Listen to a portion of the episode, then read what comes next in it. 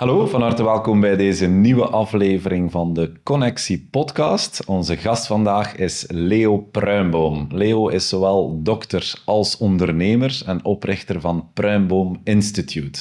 Hij vertelt over zijn drie kantelmomenten in zijn leven, waaronder een quote van zijn moeder, die jammer genoeg op jonge leeftijd is overleden, een kus van zijn tante, wat hem dat heeft geleerd over onoplosbare toestanden, en tot slot uh, zijn 37-jarige trieste periode die hem een beter mens heeft gemaakt.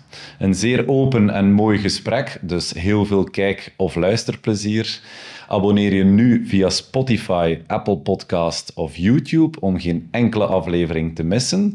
Je mag ook gerust deze podcast delen, sterren geven of een reactie nalaten. En op die manier zorg je ervoor dat er meer mensen zijn die deze podcast kunnen beluisteren. Mijn naam is Bert, oprichter van Connectie. En via deze podcast maken we de uitdagingen van het ondernemerschap bespreekbaar. We doen dit door in gesprek te gaan met onze gast over zijn of haar drie kantelmomenten in hun ondernemersleven. Dat is ook wat we met Connectie doen. We helpen ondernemers groeien naar een goede connectie op drie niveaus. Eén, met jezelf. Twee, buiten jouw bedrijf met collega-ondernemers. En drie, binnen jouw bedrijf met je medevenoten en medewerkers. Heb je zelf als ondernemer een uitdaging die je wilt delen? Ga dan naar connectie.eu slash deel jouw uitdaging en wie weet kunnen we jou helpen. Van harte welkom bij de Connectie podcast.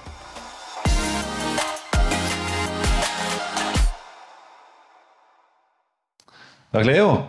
Hi Bert, hoe is het? Is het met jou? Prima. Van harte welkom in de Connectie podcast. Ja. Voor één keer in het KPNI-huis in plaats van het Connectiehuis. Dat is voor jou een beetje een thuismatch. Dus, uh, Precies. Ja. Voilà, Leo. Uh, voor de mensen die jou uh, niet kennen of nog niet kennen, wie is Leo Pruimboom? Nou, Leo Pruimboom is een man met een vrouw en vier kinderen. Van 15, 14, 10 en 8. Die allemaal een, een mooi leven hebben met een hele bijzondere moeder. Ik mijn achtergrond is, ik ben, ben um, zeg maar een dokter in de klinische psychoneurologie.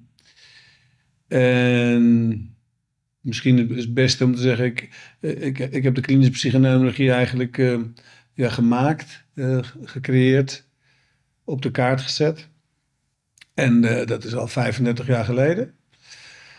En, en Leo Pruimboom is een man met ambitie. Die ehm, het idee heeft dat er nog een heleboel dingen op de wereld veranderd moeten worden. En die ook pas 38 jaar is. Dus hij heeft nog een heleboel tijd voor. De fleur van uw leven. Ja, dus dat is, uh, dat is Leo Pruimboom. Schitterend. Hoe zou je jezelf omschrijven qua persoon, qua persoonlijkheid? Als een persoon die uh, nooit opgeeft.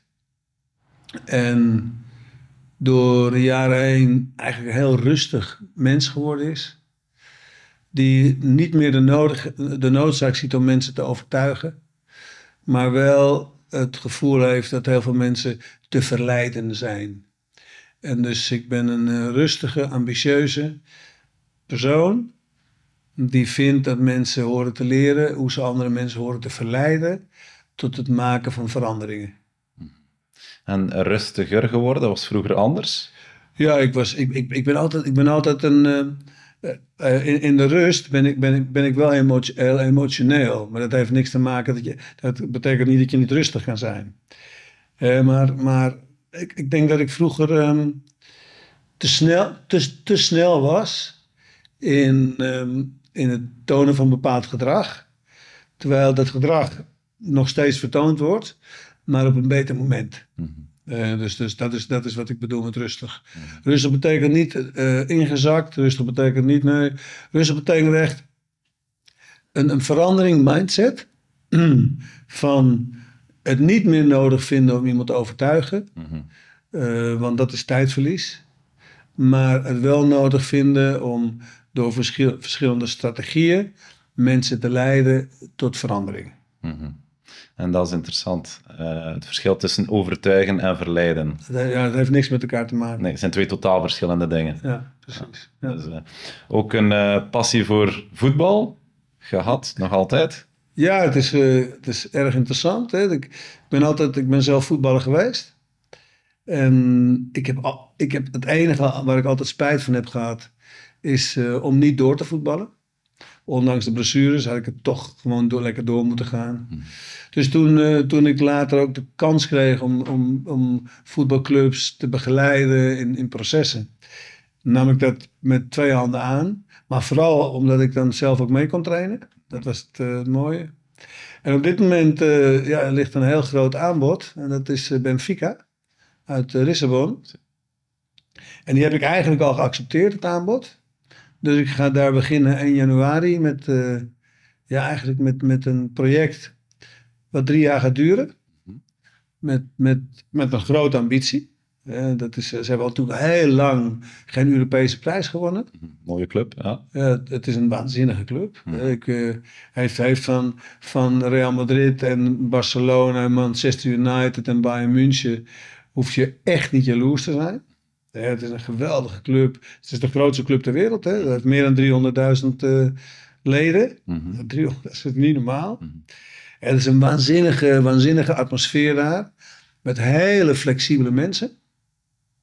Met een, eh, een, een, een goede bedrijfsvoerende eh, CEO. Dus de president, dat is, die, die, dat is een oud voetballer. Die is geen CEO. Die, eh, die, die is gewoon daar om zijn mooie kopje te laten zien. En, en invloed te hebben op het voetbal. Maar de technisch directeur, wat, wat ook de CEO is. Dat is een, is echt een zakenman. Maar, die, hij- maar een zakenman die weet van, eh, van voetbal. Maar dat is een probleem. hè. Er zijn ook zakenmannen die, die weten van zaken, maar die weten van de inhoud van wat ze doen niet. eh, niks. En dat is niet zo, dat is niet zo verstandig. Dus deze kerel is. eh, daar ga ik ook fijn mee samenwerken. Eh, dus toen ik daar kwam voor de eerste keer. Ik heb wel 40, met, met, met 40 mensen gesproken in twee dagen tijd. Om voor mij een idee te krijgen. eh, wat, wat, wat, wat is hier eigenlijk nodig? Eh, want want ik, ik, ik ga nooit iets inbrengen vanuit mij. Eh, de mensen hebben een bepaalde noodzaak. En vanuit die noodzaak gaan we een plan maken. Hè, ze willen dus echt een, een psycho-neuro-endocrino socio-immunologisch plan. Hè, dus ze willen niet alleen maar dat we, dat we het eerste elftal gaan begeleiden in, in de verandering, maar ook het technisch team, de operational team, de, de, de jeugdopleiding, eh, maar, ook het, maar ook op niveau van eco- economie en op het niveau van eh, communicatievaardigheid. Mhm. Ik zal je een voorbeeld geven, wat ik meteen zei tegen, tegen de technisch directeur. Ik zei, kijk, als, hier, als ik hier kom en al hebben we problemen met de trainer... en al, al staat hij op het punt van eh, misschien wel weggestuurd te worden... wat we niet kunnen doen, is doorgaan met een, een bericht geven... wat de hele wereld dat er doet. eh, dat we staan, we staan achter de trainer... Want dan weet je al, als dat in de pers komt, dat, het nog niet, dat, het, dat die niet meer een maand gaat duren. Mhm. Ik zeg, dus zulke, zulke onzinverhalen moet je voorkomen. Want, want, want sta- stel nou eens dat je echt achter die trainer staat. Door de boodschap die je alleen maar zendt, weet eigenlijk het team, de club al van, oh oh, het staat onder grote druk. En, en, en, en ik zeg dus, als ik me ergens mee eh, wil bezighouden met jullie, dan moet je me ook de, de mogelijkheid geven om in alle estamenten invloed uit te mogen oefenen. Ik zeg, je hoeft niks te doen, het is niks verplicht. Maar, maar, maar er moet wel een, een gezonde discussie over mogelijk zijn. Nou, dat hebben ze geaccepteerd. Anders had ik het nooit geaccepteerd. Mhm. Dus dat gaan we doen. Mooi, dat is vanaf eh, 2024 dan. 1, Wa- 1 januari. Voilà. En wa- waar ben je nu mee bezig? De voorbije maanden, komende maanden, waar is Ja, ik- Leo Pruim al mee bezig? Kijk, we, ons, ons opleidingsinstituut, hè, dus, dus het, eh, het heet trouwens nu Pruimboom Instituut. Misschien wil je, misschien wil je, zal ik daar vertellen waarom dat zo misschien heet? voor de mensen die... die... Misschien best interessant om, om zo'n keuze van, van een merk eh, te kiezen. Het, het, het was natuurlijk PNI Europe en PNI World en PNI België. Eh, zo is het ontstaan. Eh, we zitten op dit moment in 16 landen. Eh, het is een officiële master. En we hebben dit jaar leiden we in totaal 1650 mensen op. 650 mensen is echt veel, hè? Mhm. En ehm, wat mooi is dat, dat vroeger niet, maar nu eh, is, is daar, ik denk, 40% artsen van. Ja, dus dat heeft een hele grote impact ook op, eh, op de geneeskunde en wat er aan het gebeuren is. En dat merken we ook, dat merken we ook heel sterk. Dus daar eh, ben ik mee bezig. En ik geef natuurlijk ook, ik geef de eerste module in alle landen. Nou, dus moet je gewoon nagaan. Dus vanaf september tot december moet ik 16 keer de eerste module geven. Mhm. Nou, 16 keer 3 is al 48 dagen. Mhm. Nee, dus daar, daar heb ik al aardig mijn handen vol bezig. mee. Maar ik heb ook 82 docenten die begeleid moeten worden. Ik heb dus ook 16 partners. Hè, want met, met alle, alle landen waar we samenwerken, is, eh, hebben we een, een, een lokale partner. In Argentinië, Brazilië, Mexico. Die zijn verantwoordelijk voor de organisatie. Wij zijn verantwoordelijk voor de inhoud en de docenten en, en al het materiaal. Mhm. Maar ja, dat moet, die moet je wel onderhouden natuurlijk. Hè? En We zijn nog bezig met twee andere projecten. Die, eh, die ik nu nog even voor me moet houden voor het feit eh, dat er, er erg veel gestolen wordt. Eh, gedachten goed wordt gestolen. En die twee projecten die, waar we mee bezig zijn, als ik, dat nu zou, als ik dat nu zou gaan vertellen, dan weet ik over, dat ik over een week eh, eh, daar dan eh, feedback over ga krijgen, die, wa- wat gewoon nog niet zo verstandig is. Ja. Dus ik heb meer dan voldoende te doen. Ja. En voor je, moet- je moet ook Benfica niet zien als mijn eh, hoofdopgave. Oké. Daar doe ik bij. Ja. Dat weten ze ook. Ik heb, ook. ik heb er ook niet heel veel tijd voor. Maar ik heb er ook niet heel veel tijd voor nodig. Eh, als, als, als het maar gewoon goed gecommuniceerd wordt, alles. Mhm. En naast KPNI, ehm, Leo, ben je ook de grondlegger van Intermittent Living. Ja, ik, eh, dus in 2011 ben ik begonnen met het ehm, ontwikkeling van het Intermittent Living concept. Voor de mensen die dat niet kennen, voor de niet-therapeuten, misschien nog even uitleggen. Wat is Intermittent Ja, misschien is het, het is eigenlijk heel, eh, het is eigenlijk heel simpel te verklaren. In de evolutie van Homo sapiens, wij komen uit de natuur en we zijn eh, vanzelf gegaan naar de cultuur. Dus de cultuur van Homo sapiens vandaag is niet een, rare reactie op ons natuurlijk leven. Het is een logische consequentie van het natuurlijk leven. Dus als je in de natuur leeft, ben je continu aan het knokken tegen de kou en tegen de hitte en tegen de honger en tegen de dorst en tegen de infecties. En dus Homo sapiens heeft het heel goed gedaan. En die heeft al, die, al deze dodelijke eh, ellende uit, uit, zijn, uit, zijn, uit zijn systeem kunnen halen. Wie gaat er vandaag nog dood aan de honger in een land als België? Dat zijn er echt niet veel hoor. Er gaan ook niet veel mensen dood aan, aan, aan dorst. Dus, dus de cultuur is een, was, was een logisch gevolg van de natuur. En je kan er ook niks aan doen. Dus die cultuur, culturele ontwikkeling die gaat door, omdat het gewoon de consequentie van het leven is. Eh, we, hebben vier, we hebben nu vier ehm, industriële revoluties gehad. Eh, we hebben een, de eerste industriële revolutie was gewoon de motorisatie van de hele wereld. De tweede industriële revolutie was de ontwikkeling van analoge communicatieprocessen, de telefoon. En dat scheelde ook weer in, in beweging.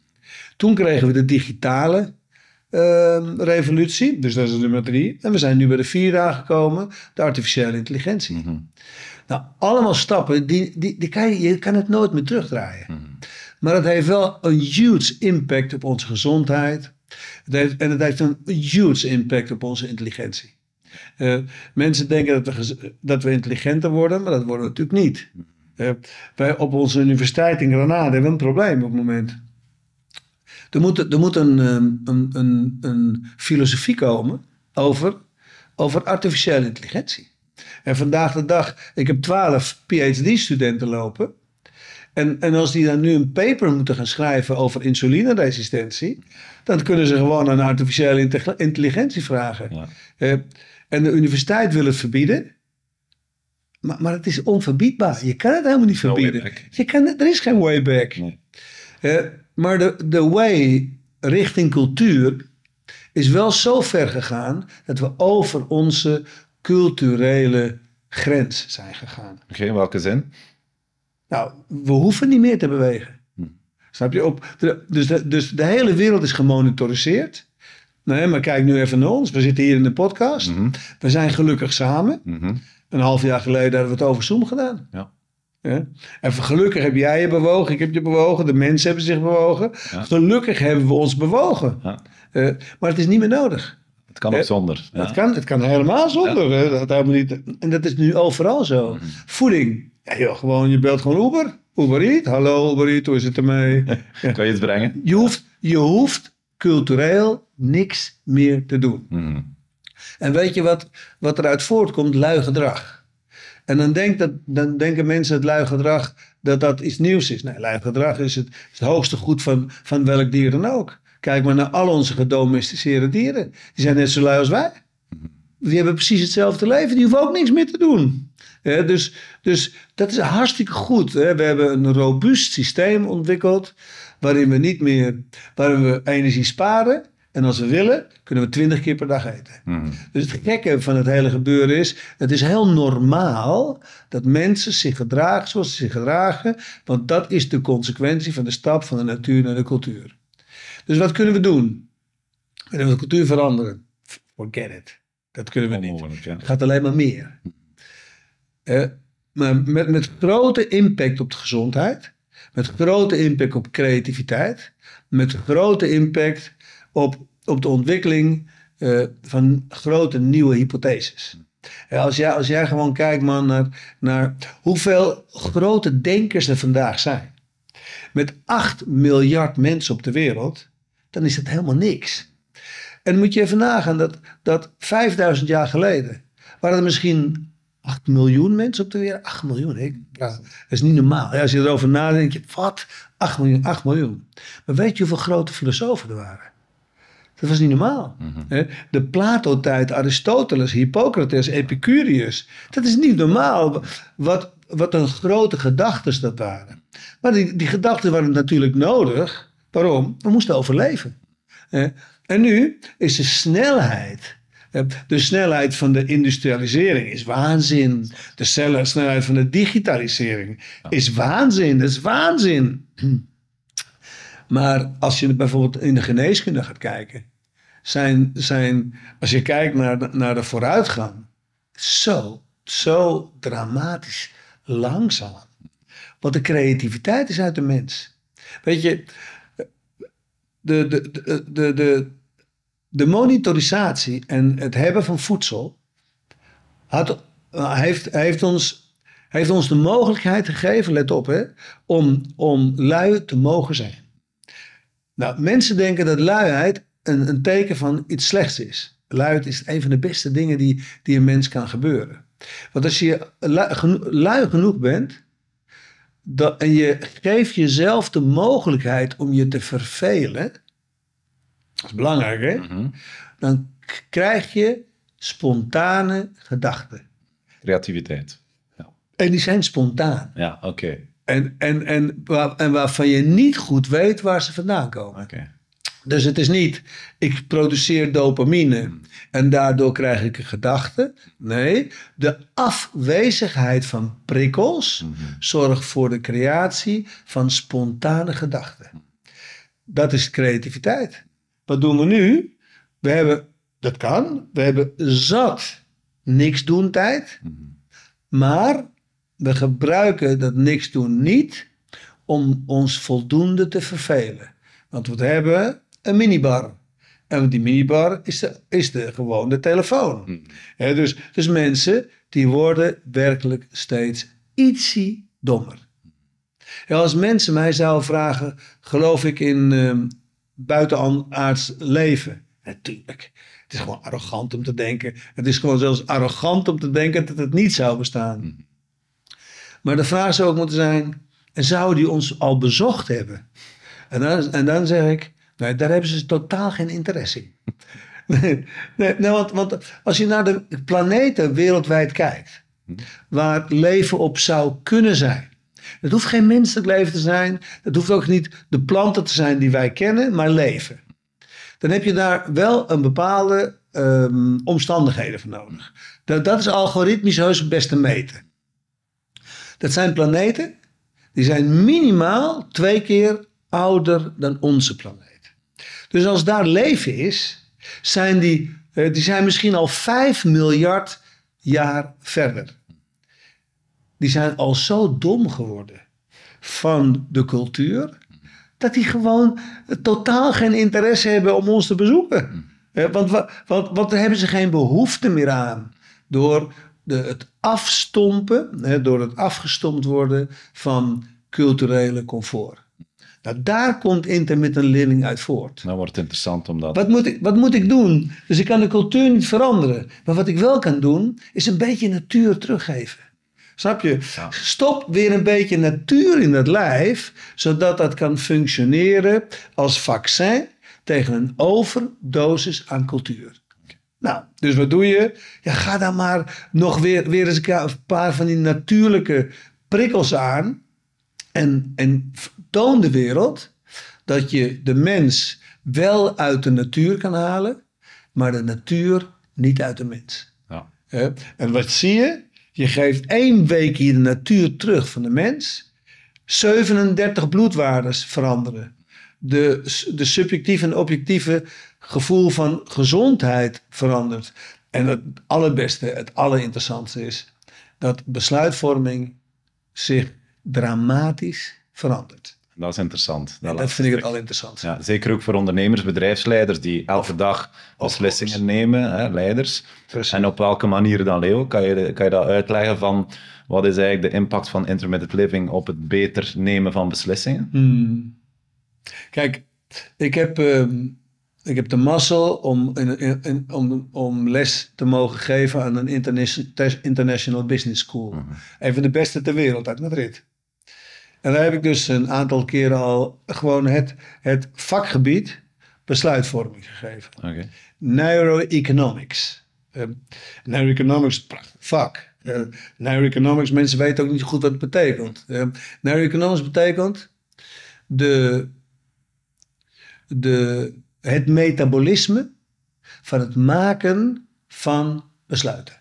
Oké. Uh, een, besluit, een besluit nemen, besluit nemen is altijd een kosten-baat-analyse. Dat is gewoon heel logisch. Hè? Kosten-baten, wat- hoeveel, hoeveel, hoeveel levert het me op en wat kost het? En, en de CEO's hebben heel vaak het gevoel, het idee, als ze het gevoel hebben, mm, dan is het, zou het beter zijn. Eh, maar die hebben vaak de gedachte dat ze niet beïnvloed worden zoals alle andere mensen door neuro-economische factoren. Ja? Ze zeggen, nee, nee, mijn besluiten, mijn besluit Nee. is helemaal objectief. Ja. Nou, dat is heel leuk. Ehm, als je, eh, dat is een mooie hypothese. Ja. Als, iemand, als iemand stelt, mijn besluit 100% objectief. Ik zeg, oké, oké, laten we dat dan gewoon gaan meten. En dan ga je dingen doen zoals mensen in een omgeving brengen van 16 graden eh, Celsius. En dan laat je daar een besluit in nemen. En daarna, en nog niet, niet zo lang daarna, laat je, ga je dezelfde situatie creëren. Maar het is nu is de omgevingstemperatuur 26 graden. Mensen denken dat dat geen invloed heeft. Je kan, je kan het niet eens voorstellen. Het kan 180 graden, procent, 180 graden anders zijn. Gewoon door, alleen maar door de buitentemperatuur te manipuleren. Dus de temperatuur bepaalt de beslissingen. Heeft, heeft, heeft zo'n impact Ja. Dat je moet wel heel stevig in je schoenen staan. Eh, en stevig in je schoenen betekent dus eh, dat je, dat je een, een, een, een nou, dat, is meer, dat is meer dan een resistentie. dat je antifragiel wordt. dus onkwetsbaar. En je snapt dat natuurlijk wel, dat is utopisch. hè, onkwetsbaar voor de invloed van factoren die te maken hebben met de distributie van energie tussen je hersenen en de rest van het lichaam. Dat is zo'n onzin om te denken. Eh, dat, je, dat, je, dat je denkt dat je daar onkwetsbaar voor zou kunnen zijn. Forget it. Onmogelijk. Ja. Is onmogelijk. Ja. Dus wat doe je? Je maakt mensen resilient Mhm. door, eh, ehm, door aan het einde van zo'n week een, een ouderwetse no-nonsense mindset hebben. Ik eet niet, het zal me een zorg zijn. Ik drink niet, het zal me een zorg zijn. Het is koud, nou en. Het is te heet, nou en. Dus al die, al die, al die dingen waaraan je eventjes hebt moeten lijden, die, die gooien je niet meer uit, uit evenwicht. Je hebt daar min, je hebt er altijd last van, maar je hebt er minder last van. Dus dat betekent dat je dan veel minder bias krijgt in je besluitvorming. Maar niet alleen minder bias. Kijk, besluitvorming, dat is gewoon een ding, dat is heel simpel. Alle besluiten duren een maximum aan 400 milliseconden. Het, besluit nemen, dat kost geen tijd. Nee. Maar waar het natuurlijk om gaat is, hoeveel tijd heb ik nodig? Hoeveel analyse moet ik doen? Eh, hoeveel evaluatie moet ik doen om te komen tot het besluit? Dat besluit nemen, Dat is niks. dat is niks. Het is maar dat- doordenktijd en de tijd vooraf. Door voeltijd, door denktijd, door immuuntijd. Ja. Dat is beer interessant. De impact van het immuunsysteem op besluitvorming. Ja, dat, dat, dat, dat- zie je, het is grappig trouwens. Als je les geeft aan die CEO's, die weten veel hoor. Die weten veel over serotonine, over dopamine, over neurologie enzovoort. Maar dan ga ik vragen. En, en stel nou eens, ik spuit in jou op dit moment een klein beetje intramusculair, een beetje lipopolysaccharide. Hè, dus dus ik, ik creëer een artificieel bacteriële ontsteking. Dat dit wordt geen bac- bacteriële ontsteking, want de bacterie is er niet. Maar je krijgt wel een immuunreactie alsof er een bacteriële ontsteking is. En dan vraag je gewoon, wat denk je dat er gaat gebeuren? Nou, de grap, hè, soms gebeurt dat, hè, nou, wat vaker dan soms. Mij niks. Nee. Mij, mij gebeurt niks. Ik ben Voel niks. Ik heb, ik heb daar een last van. Iedereen heeft er last van. Maar dat is iedereen. Dat is gewoon iedereen heeft er last van. Hè? En, en dan ga je dus iets afvragen. Hè? M- mijn wetenschap heet klinische psychoneuroimmunologie. Nou, dat mag je best weten. Dus 2 en 3 maart hebben we een heel groot congres. Het 35-jarig congres Hier in Antwerpen. in Antwerpen. Ja. En, het gaat, en het heet van klinische PNI naar klinische INP. Oké.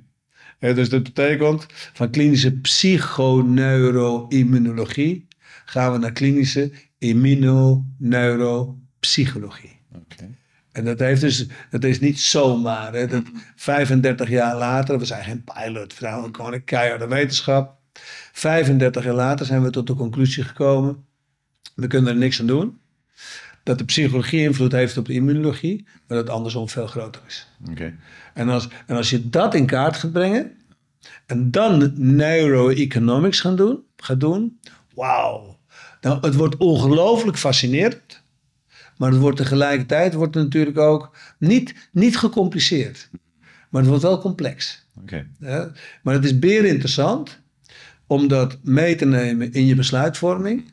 Want de capaciteit voor besluitvorming die dan ontstaat, is echt, want dat gaat, het, het woord objectief, ja, is, dat bestaat niet.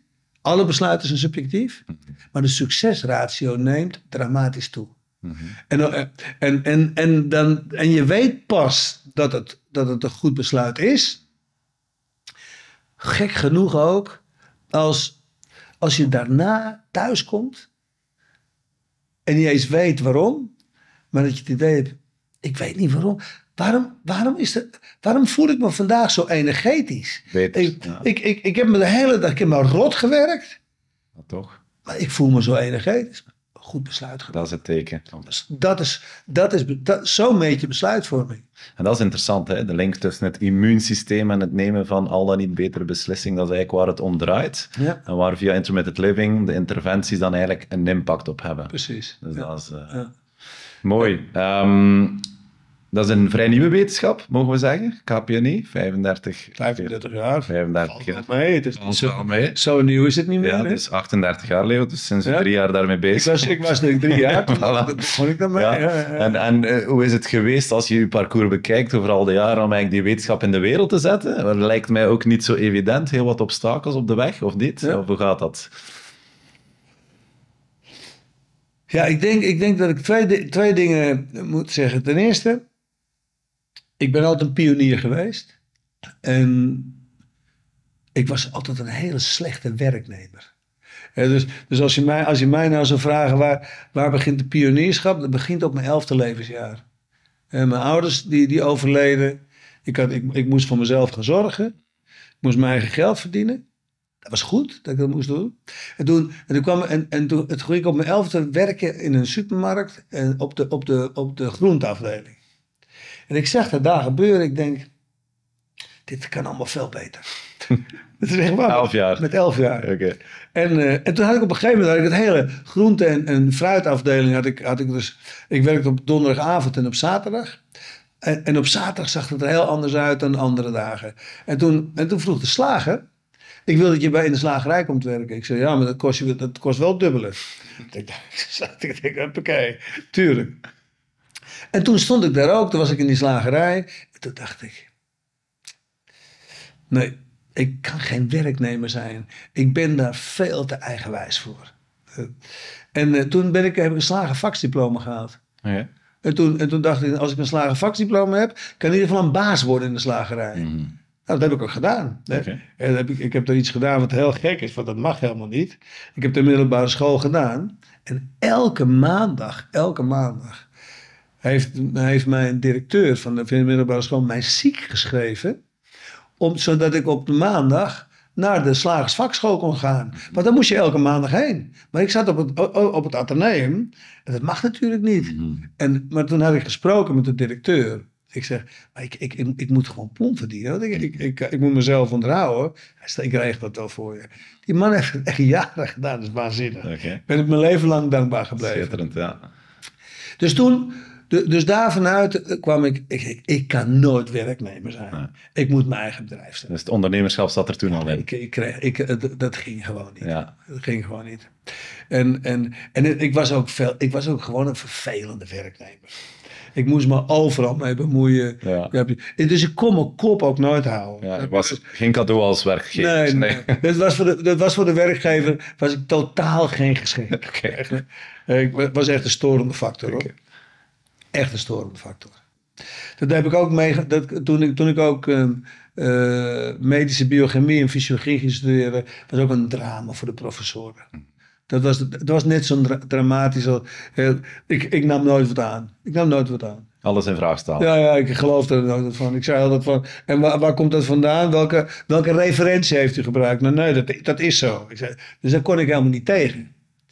Eh, en, en dus ook voor hun was ik niet fijn. Eh, ik, ik zal nooit vergeten dat ik één, één jaar, had ik van de 16 vakken, had ik 12 onvoldoendes gehaald. En eh, waarom? Ik discussieerde met iedereen. Zie je, toen je me vroeg aan het begin, rustig, daar ben ik rustig. Gelukkig maar. Gelukkig maar. Ja. ja, voor de omgeving. Maar Dat ging ook, dat, want daar had ik ook zelf veel te veel last van. En dat was, dat, maar dat was mooi. Ja, en toen, en toen ehm, ja, op een gegeven moment rol je, rol je in de maatschappij. En je, en je rolde, en ik rolde eigenlijk in een maatschappij waarvan ik dacht, het, de geneeskunde klopt niet. Nee, dus ik dacht, de geneeskunde die klopt niet.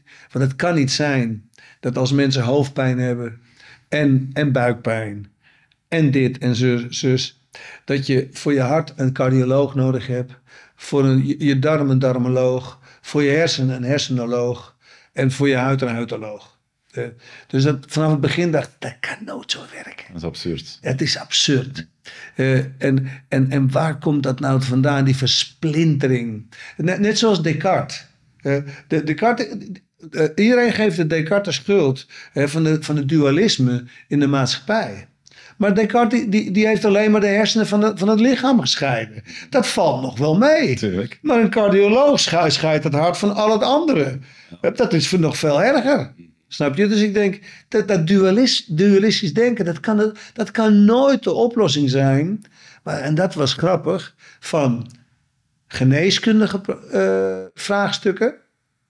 Maar het kan geen oplossing zijn van geen één vraagstuk. Mhm. Eh, dus, dus ook niet in de, in de bedrijfsvoering, in, in een supermarkt. Eh, in de supermarkt heb je ook cardiologen. Heb je endocrinologen, je hebt nefrologen, je hebt hersenologen.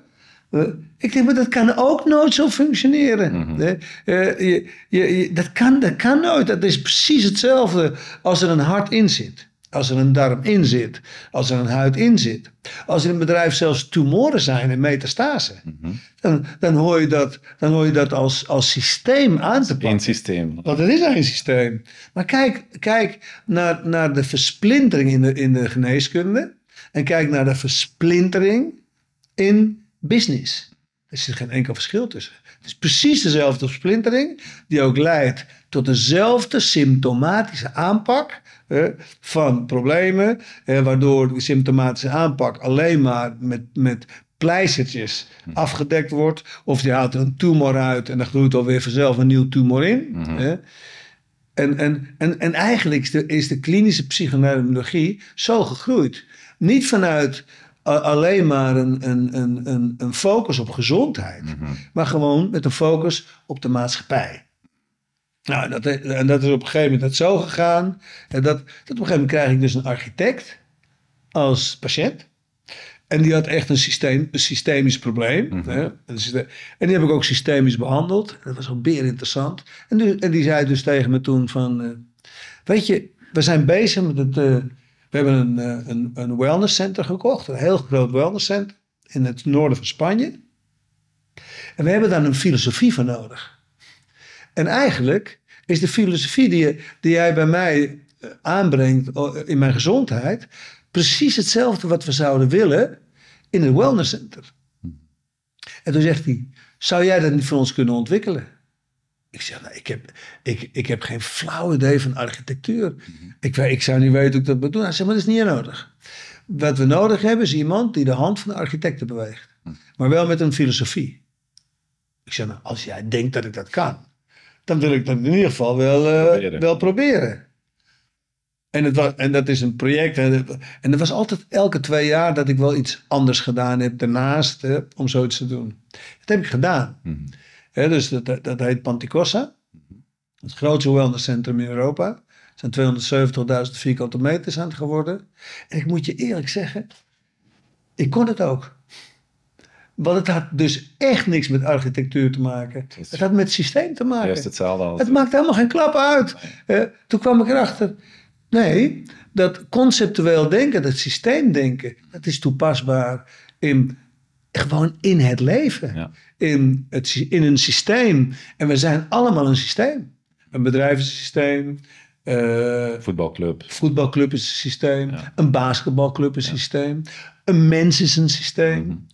Zelfs het hart is een systeem. Dus, dus, dus, dus toen Met kwam ik dezelfde wetmatigheden en dezelfde er zit geen principes. enkel verschil tussen. En, en, nou, en, en, en, en zo, zo ben ik ook niet alleen maar in de klinische psychoneurologie en de geneeskunde gebleven. Maar ik ben ook in de klinische psychoneurologie gevallen in het bedrijfsleven. En in het, in het, in het topsportleven. Want het is ook toepasbaar. En, en, en het diagnostisch proces is, is, zelfs hetzelfde, is zelfs hetzelfde proces. Want, want het woord diagnose is, dat is heel fout geïnterpreteerd. Dat, dat, dat is helemaal niet, dat is helemaal niet iemand vertellen dat hij reumatoïde artritis heeft. Maar als, als jij kijkt naar, dat vind ik zo, eh, consultants, die, die stellen ook diagnoses. Net zoals, net zoals een arts een diagnose stelt. En, en, en consultants, weet je, er komt hier, eh, die komt, er, eh, we hebben een, het bedrijf doorgelicht en we hebben een diagnose gesteld. Oké, goed, zegt de, zegt de CEO. En eh, nou, wat is de diagnose? U, uw bedrijf heeft reumatoïde artritis. Aha. Nou, zegt de CEO, want de CEO is goed onderlegd. ehm, consultant, je weet toch wel wat diagnose betekent? Zegt de consultant, ja, het, het, het, eh, het in kaart brengen van het probleem. Nee, zegt de CEO, dan heb je toch, heb je toch de, de wortel van het woord niet gekend. Want het, woord, het wortel van het woord betekent dia, van, dat komt van het woord diagnosis. En wat betekent dat precies? Ik, ik weet wat het probleem is. Ik zeg, dat is niet hetzelfde dan een naam geven aan iets wat je hebt geanalyseerd. Dus reumatoïde artritis eh, had nooit een diagnose mogen zijn. Want als, als een reumatoloog zegt tegen een patiënt, u heeft reumatoïde artritis, hoort de patiënt te zeggen, ah, dan weet u dus wat mijn probleem is. En nee, ik, ik, weet, ik weet wat uw symptomen zijn, maar ik weet niet wat ik eraan moet doen, want we weten de oorzaak niet. Ik zeg, nou, dat, dat kan niet.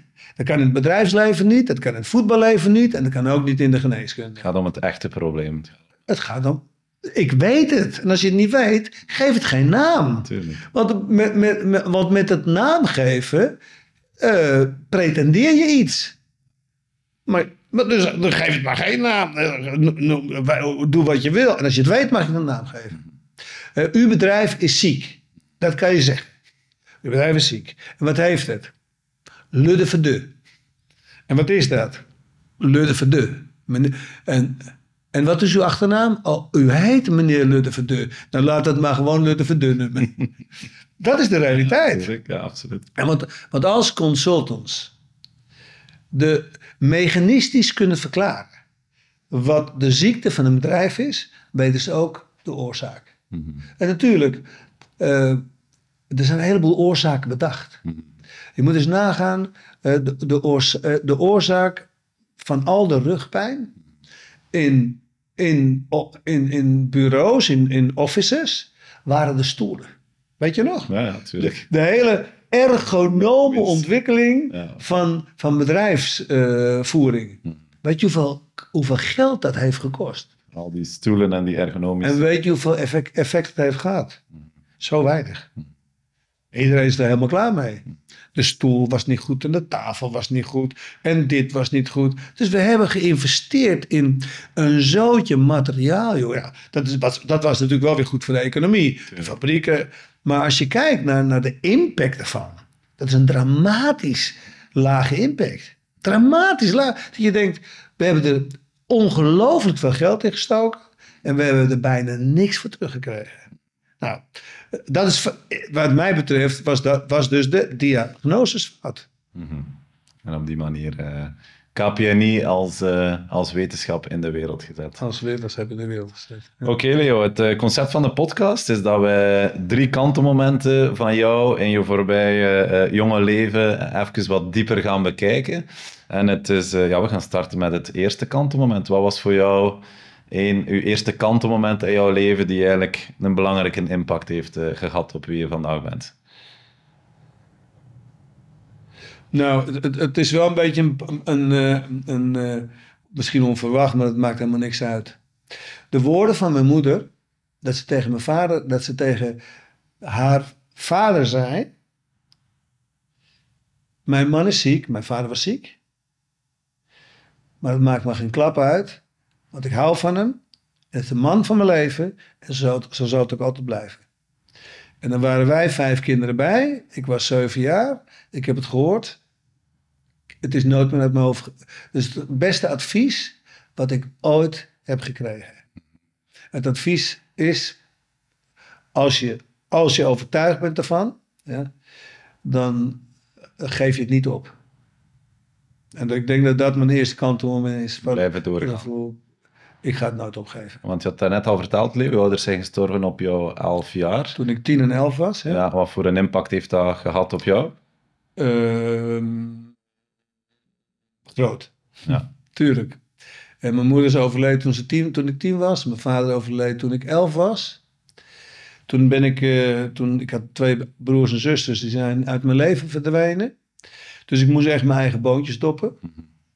En dat is een klassiek verhaal natuurlijk van eh, eh, mensen die geleden hebben, die komen ook verder. Ik moet je eerlijk zeggen, volgens mij moet je een beetje lijden om ver te komen. Eh, maar ik ken ook mensen die helemaal niet geleden hebben, toch ver zijn gekomen. Dus het is niet een, een, een noodzakelijk kwaad, maar het helpt wel. En ik denk dat als ik, er nu, als ik nu eh, kijk naar... Als je mij zou vragen, zou ik iets van mijn leven... Als ik de kans zou krijgen, willen veranderen? Ik wil niks veranderen. Ik vond, ik vond het allemaal prima. Ik vond het niet prima, maar het is allemaal prima. Eh negatief, en, en dus negatief effect, positief effect, vechten, knokken, toestanden.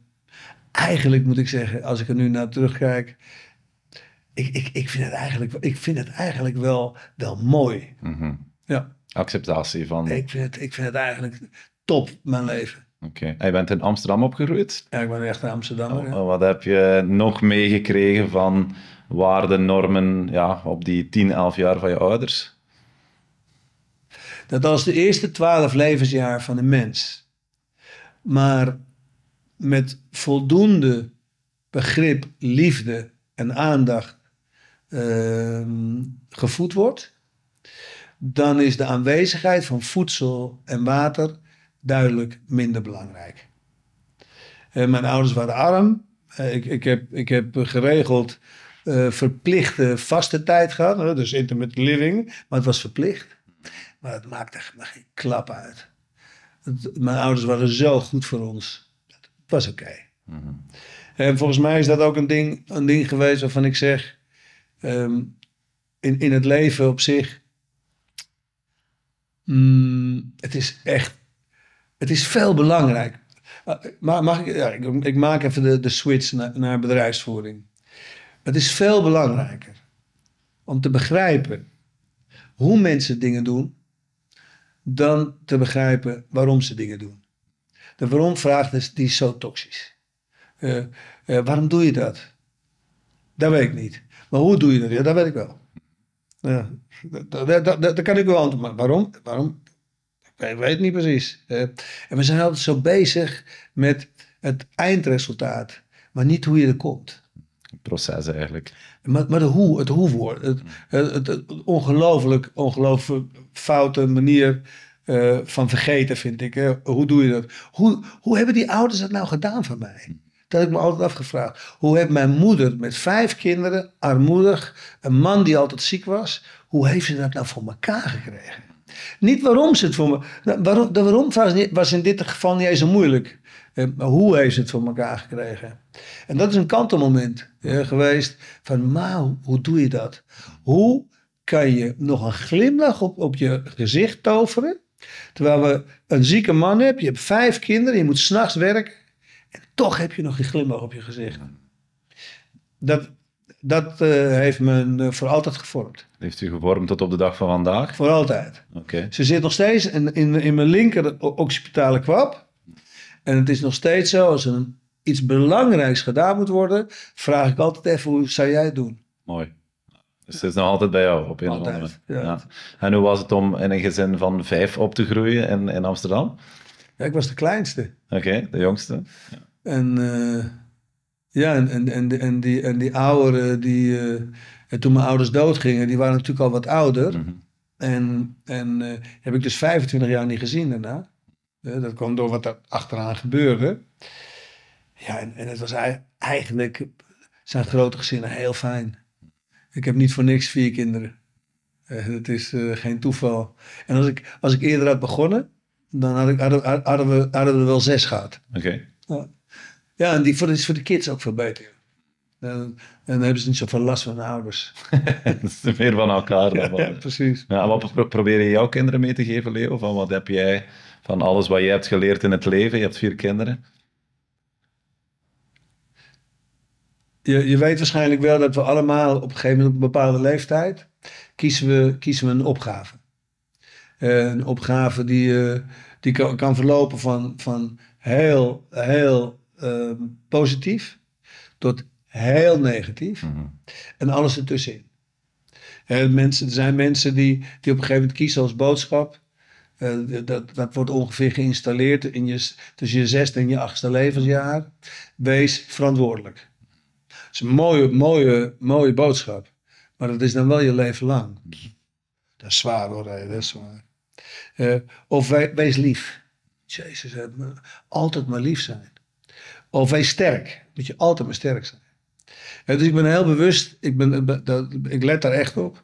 Ik wil kijken of ik ze mm, iets kan laten installeren in ze. En dan staat wees flexibel. Dat zou, dat zou het eh, mooiste zijn. Als ik, als ik dat eens kan installeren, wees flexibel, dat zou het allermooiste zijn. Mhm. En wat is dan jouw definitie van flexibiliteit? Flexibel zijn? Om zelfs in robuuste omstandigheden nog de capaciteit te hebben om een ander besluit te nemen. Dat is flexibiliteit. Maar een besluit die bij jou past dan, waar je van overtuigd bent. Bij jou past, of misschien in voordeel is van, van de tribe. Het is niet allemaal, je gaat niet alleen maar beslissingen voor jezelf nemen. Dat dat, dat is, volgens mij is dat een, eh, een, een hele moderne eh, visie over, over wat goed voor iemand is. Eh, ik, wat voor mij heel goed is, is mensen helpen. Eh, en, en dat gaat wel eens ten, korte, ten koste van mezelf.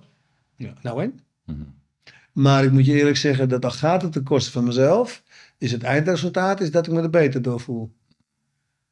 En dat is wat jou drijft elke dag, Iedere dag. toch? Ja. Want ik uh, ja, nog altijd even gepassioneerd, of heel gepassioneerd, Ja. op jouw eh, jonge leeftijd. Wat, wat zijn nog dingen die jou elke dag met heel veel goesting en passie doen opstaan? Nou, van, van, eh, gisteren in, in Spanje vroegen ze mij... eh, we hadden het over mensen met kanker. Over mensen met chronische ziekte. Die niet uit een vicieuze cirkel komen. En toen, en toen liet ik ze een aantal onderzoeken zien. Over, over het al of niet hebben van een purpose of life. Mhm. Eh, eh, m- mensen, mensen, hun gedrag en de emoties die de consequenties zijn van het gedrag. Eh, emotie is iets spontaans. Mhm. Eh, je- dat gaat niet vanzelf. Eh, dat, heeft, eh, dat- dat is een, iets wat ontstaat doordat je iets gedaan hebt of niet. En je kan gewoon heel, heel goed zien dat als mensen heel triviaal zijn. eh, dus de, niet, eigenlijk niet weten waarom ze leven. Mhm. Daar krijg je er niet meer energie van. Eh, en, ehm, en dus toen liet ik ze ook zien, een aantal onderzoeken, over, ehm, over een, een, een, niet hebben van een levensdoel. Maar het hoeft niet groot te zijn. Mensen denken dan meteen natuurlijk, god, de, de hele wereld moet een Nobelprijs winnen. Nee, nee, nee. Maar het moet zin hebben. Dingen moeten zin hebben. Die rottige vraag, waarom bestaat het leven? Die hebben we ons allemaal wel eens een keer gesteld. Maar daaronder zitten wel 5000 lagen mm, zin- eh, dingen die ook zin hebben. Mhm. Eh, het leven moet zin hebben. Het moet echt zin hebben. Mijn leven heeft zin. Eh, dus ik ben, ik, ben nog, ik, ben, ik ben nog lang niet klaar. Ik ben nog lang niet klaar. Ik, ik heb nog zoveel dingen te doen. Eh, en ik denk dat dat, dat, dat, dat dat ook de enige reden is dat, dat, ik, ben, dat ik ook onver, on- ik ben eh, onverslijtbaar. Mhm. Snap je? Want, want ik heb gewoon geen, ik heb geen eens geen tijd voor om ziek te worden. Eh, maar maar, maar dat, weet je, dat weet je ook. Men- mensen denken dat, dat, dat CEO's dat die zieker zijn dan andere mensen door hun ver- verantwoordelijkheid. Precies het tegenovergestelde. CEO's zijn veel gezonder dan alle andere mensen bij elkaar. Mhm. Door het feit dat, dat, dat ze hebben een heleboel dingen. Ze hebben controle over, over wat ze doen. Mhm. Ze, ze hebben social support. hè, dat ook niet. Eh, ze mogen besluit nemen. En als het goed is, zitten ze op, op, een, op een, eh, een motivationeel niveau en op, op um, skills niveau. Aan, allebei aan de, aan, de hoge, aan de hoge kant. Dus die, die, die, die, zijn er gewoon niet ziek te krijgen. Eh, kijk naar Florentino Perez van, van Real Madrid. Dat is al een oude lul. Mhm. Dat is helemaal niks ouds aan. Er zit één brok ambitie nog steeds in. Eh, dus, dus je krijgt van hard werk helemaal niks. Je krijgt wel van hard werken iets als het zinloos is. Daar word je moe van en word je je ziek van. Ja, oké. Dat kost zoveel energie. Dat kost, kost zoveel energie. Zinloosheid. Kinderen die op school ehm, wiskunde moeten leren. En ze hebben geen flauw idee waarom het is. Snap je? Eh, eh, mijn- Miguel van acht jaar die zegt... Wat, heb ik er nou in vredesnaam aan? Om te kunnen optellen, te kunnen aftrekken. te Dat zegt hij ook tegen zijn, tegen zijn, tegen zijn juffrouw. Ik vind het de meest geweldige vraag die iemand kan stellen. Mhm. Eh, hij zegt gewoon, ik vind er niks aan, want ik heb er niks aan. Zou, hij, hij zegt gewoon, je, kunt u mij niet vertellen eh, waarom die plant groeit? Ik snap, hoe, hoe, hoe groeien planten? Veel interessanter. Dat is toch daar hebben die kinderen toch wat aan. Dat, dat heeft zin. En ik denk dat als je, als je daar naartoe kijkt, we komen terug dan op, eh, op gevoelens en gedachten. Eh, zijn gevoelens, alleen, zoals ik al zei, alleen maar consequentie van, van plannen. Hmm. En, als, en mensen hebben kunnen twee kanten op. Eén, ze kunnen iets willen bereiken. Of ze kunnen iets willen voorkomen. Nou, alleen al, alleen al, al, al die mindset eh, is zo anders. Eh, stel, je hebt een examen. En je, hebt, en je gaat dat examen in met de mindset, ik wil niet zakken. Don't worry, het gaat mis. Ja. Het kost energie, het geeft angst en anxiety en dan hang je. Of andersom. Ik, eh, ik, ga, het ik, ga, ik ga het gewoon halen. Ik ga ervoor. Krijg, word je enthousiast, krijg je energie van. Vertaal, vertaal dat is naar een voetbalwedstrijd. Zoals afgelopen eh, woensdag, Real Sociedad tegen Benfica. Hebben we verloren. Ik heb er nog niks mee te maken. Maar ik weet wel een paar dingen. En, eh, en, en de trainer, eh, Roger Smit, die ook PSV getraind heeft, eh, die, die, die, die zit heel goed, heel goed in zijn vel. En die weet heus wel waar hij over praat. Die gaat ook met dat ding, die, die gaat ook geen woord, één woord zeggen over dat we niet mogen verliezen. Want dat we niet, als, als je dat installeert, dat, dat kan je heus, dat mag je wel eens een keer installeren. Maar dat moet je doen in een wedstrijd die niet zo belangrijk is. En dus installeer, oké, deze wedstrijd gaan we niet verliezen. En ga ik eens kijken hoe jij met die boodschap kan omgaan. Hoe resilient ben je? Moet je daar doen. Maar dat moet je niet doen als we, als, als we moeten winnen. Eh, Het gaat hier niet om, eh, je mag niet verliezen. Nee, we moeten winnen, want we, we, zijn- we, we- we worden gewoon uitgeschakeld voor de Champions League. Dat is, dat is heftig. En ik wist, ik wist dat er iemand, iemand, één, echt één persoon daar. Ik, ik wist dat het fout ging gaan, want ik wist wat die persoon ging doen. Die ging dit installeren. En dat is een, iemand van buiten, maar, maar met veel te veel invloed. En ik wist het, ik, potverdorie. Eh, eh, die hebben ze, ze hebben die niet in de gaten. En ik ken die persoon, ik ga niet zeggen wie het is, dat doe je niet. En ik wist al, joh, als jij kijkt naar, naar onze snelheid, naar onze sprintsnelheid, naar onze spaasnelheid enzovoort, dan kan je gewoon meten wanneer iemand in zijn broek scheidt. Gewoon, eh, ga gewoon, neem de eerste 15 minuten van de wedstrijd eh, in, een, in, een, in een topsituatie en die situatie. We waren 38% trager. Mooi. Dat is, dat is, geen, dat is geen toevalstreffer. Menta- Mentaal. Ja. Snap je? Dat is geen toevalstreffer. En dat is, dat is natuurlijk ook beer interessant dat we dat tegenwoordig kunnen meten. Mhm.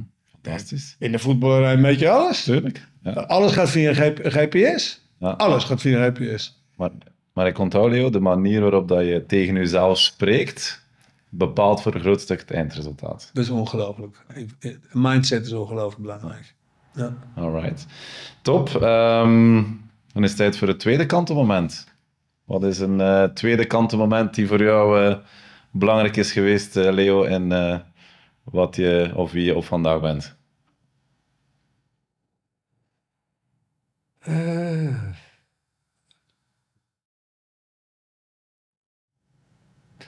Nou ja, het was weer een emotie. Eh, dus, dus toen eh, mijn ouders stierven, toen moest ik wonen bij een tante en oom. En die tante en oom die waren niet zo aardig voor ons. Voor mij, want, ik, want die anderen waren er niet meer. En toen was ik eh, 17 jaar. En toen kreeg ik één, één spontane kus van die tante. Terwijl, terwijl wat normaal was, dat ik dagelijks ongeveer tien keer moest horen dat ik niks waard was en het wordt nooit wat met je. En die ene kus, ene kus, toen, ben ik nog, toen heb ik nog zes jaar bij ze gewoond. Alleen maar voor het nog één keer krijgen van die kus. Nooit meer gebeurd. Ik heb alleen maar tien keer per dag gehoord dat ik niks waard was. Dat is een kantelmoment. Mhm. En waarom? In welke zin? Wauw. eh, de zin van, eh, van... Het is hartstikke goed om, eh, om iets na te streven. Maar het is ook soms nog beter om op tijd te stoppen met het zoeken naar een oplossing. Dus één ding is, was heel goed voor mezelf. Ik, ik ben onstuitbaar. Maar het tweede ding is minimaal net zo belangrijk. Ik ben geen opportunist. Ik weet dat er dingen onoplosbaar Ik weet dat er onoplosbare dingen bestaan. En dat was verschrikkelijk belangrijk. Later voor bedrijfsvoering. Dat betekent dat er gewoon sommige dingen niet oplosbaar zijn. En that's the way it is. Maar er gaan heel veel bedrijven kapot van, hè, met, het, met, met opportunis- opportunistische leidingsgevende mensen die denken of weten of, of vinden dat alles oplosbaar is. Dit is gewoon niet zo. Nou, dan moet je, eh, dan moet je, dat heb ik geleerd. Inzicht. Want hoe ga je dan om met iets dat onoplosbaar is? Wat is dan het juiste gedrag die je... Pessimisme. Oké. Dan moet je pessimistisch worden. Pessimisme is heel positief als het onoplosbaar is. Eh, eh, positieve psychologie, eh, dat is niet van. Oh, oh, oh, oh. Eh, dat, is niet dat is niet pathetisch omgaan met onoplosbare dingen. Eh, po- positieve psychologie betekent wees zo pessimistisch mogelijk als het niet oplosbaar is. Dat is ook positief. En, en dat vergeten mensen dat hartstikke. Het is hartstikke goed om gedeprimeerd te worden. Het is hartstikke goed dat je gefrustreerd bent. Het is hartstikke goed dat je hopeloos wordt op het moment dat je hopeloos moet zijn. Eh, hoeveel bedrijven starten niet door? Eh, Doorstarten is het dramatischste. Dat is de dramatischste economische bedenksel wat ooit bedacht is. Hè, Een bedrijf gaat failliet. En de politiek heeft besloten dat hij door mag starten. Gaan ze precies hetzelfde door. Gaan ze precies hetzelfde door. Als, als, als je geruineerd wordt, als je, als je bankroet gaat, dat is hetzelfde als dat je ziek wordt. Dat betekent dat als je doorstart, dat de ziekte erger wordt. Een ziekte is niet meer en, en, en minder als een, als een combinatie van symptomen die aan de gastheer of gastvrouw vertelt dat er iets moet veranderen. Dus met andere woorden, ba- bankroet gaan is niks meer en niks minder dan een, een, hele serie symptomen die een ziekte zijn geworden. En die vertelt, die vertelt aan de gastheer of de gastvrouw, het wordt tijd dat er wat gaat veranderen. Dus je, moet, je kan niet doorstarten. Eh, dat kan je niet toelaten, want dan heb je de ziekte niet begrepen. Want die ziekte dat komt natuurlijk niet, dat komt niet uit de lucht vallen. Nou, dat is wat ik geleerd heb. Da- dus het opportunisme eruit halen. En de grootste fout maken die, die we maken, in, is, is denken dat we gelijk hebben. Ik vind gelijk eh, totaal niet interessant. Ik weet niet wat jij ervan vindt, maar ik vind het niet interessant. Eh, het gelijk bestaan niet zeker? Ik, een van de oefeningen die ik, die ik doe met mensen om dat te leren is, ik zeg, nou, moet je luisteren. We hebben het Palestijnse en het Israëlische probleem. Is een huge problem. En u bent intermediator. En die persoon die daar zit, die, eh, is, die, die registreert het proces zodat het zo objectief mogelijk gaat. Een mediator is, is, is, eh, nou, dus de Israëlische persoon die eh, doet zijn woordje heftig. De Palestijnse persoon doet zijn woordje heftig. En in de mediator zegt, u heeft gelijk. En de Palestijn die wordt boos, die zegt, en waarom, u heeft ook gelijk. En, en, de, en degene die het registreert, die zegt, hoe kunnen nou twee, twee tegenovergestelde meningen gelijk hebben? Dan zeg je aan de derde, u heeft ook gelijk. Ja, het is opgelost. En het kan echt. En het is opgelost. Want als ze elkaar gelijk zouden geven, Ja. dan krijg je niet van die rare, idiote discussies. Hè, dus, dus ja, ik, mensen horen door te zetten, maar mensen horen. Het, zou, het is ook goed voor Homo sapiens om op een gegeven moment een je achteruit te kunnen gaan. Te kijken naar het proces zoals het is, of, of, of zoals jij denkt dat het is. En tot de conclusie moeten komen, komen dat wat je dacht dat het is, niet was. En dat je zelfs misschien geen eens, jijzelf, er een oplossing voor hebt. Als zieke mensen, als je zieke mensen vraagt, en, en wat voor emotie hoort bij uw ziektebeeld, en die zeggen dat ze hulpeloos zijn, dan is dat toch het beste eh, meta-emotie die een persoon kan hebben. Want dan, dan zeggen ze toch, ik kan het zelf niet meer oplossen, kunt u me helpen? En als ze zeggen, ik ben hopeloos, dan zeggen ze, ik, ik heb geen oplossing meer. En het is zelfs zo dat ik niet weet of het nog op te lossen is, want hopeloos een- is een uitspraak naar de toekomst. Eh, dus, dus als op een gegeven moment mensen hulpeloos of hopeloos zijn, weet je in ieder geval ze- zeker dat ze niet meer de resources hebben Of in ieder geval niet meer bij de resources kunnen komen tot, tot het komen van een oplossing. Ja, dus als ik bijvoorbeeld in een bedrijf be- ben, ben gevraagd om te helpen een analyse te doen, dan vraag ik ook naar de, naar de meta-emoties die bij de leidinggevende personen een rol aan het spelen zijn. En als ze dan, en als ze dan, eh, dat kan je heel goed uitvragen, kan je echt heel goed uitvragen. Ze dan komen tot, nou dat is een probleem. En, en, en wat voor emotie voel je erbij? Dat is, eerst, a- eerst, is vaak eerst angst. En wat nog meer een woede. En wat nog meer frustratie. Aha, frustratie, oké. Dus je hebt waarschijnlijk al drie of vier pogingen gedaan om het op te lossen. Ja, dat klopt. En eh, ik krijg het niet opgelost. Oké. En wat hoort daar nog meer bij? Als ze dan zeggen, ik, ik voel me hulpeloos. Ik weet, ik, ik weet het niet. Dat is toch, is toch een prima gevoel. Maar je moet het wel op tafel krijgen. Benoemen ook. Je moet benoemen. benoemen. Het moet benoemd worden. Ja, het in eerste instantie, ja. ja, Ja. en het moet, en het moet, dan, het moet dan ook het moet het juiste frame krijgen.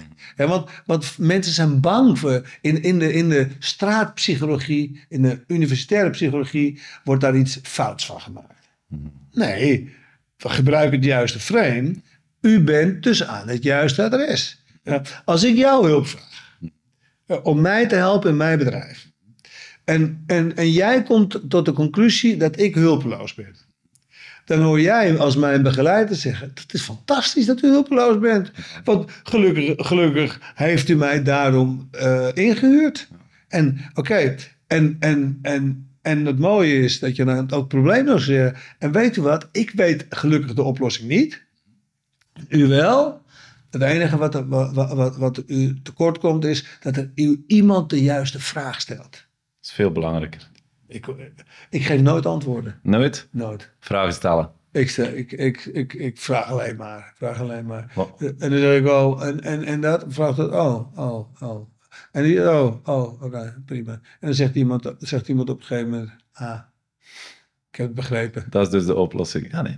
Want wat doe jij nog als, als, als dingen onoplosbaar zijn? Wat is nog belangrijk? Dus stap 1 is benoemen. Wat noemen Wat nog? Wat zijn nog belangrijke zaken? Stap 2 is, stap 2 is,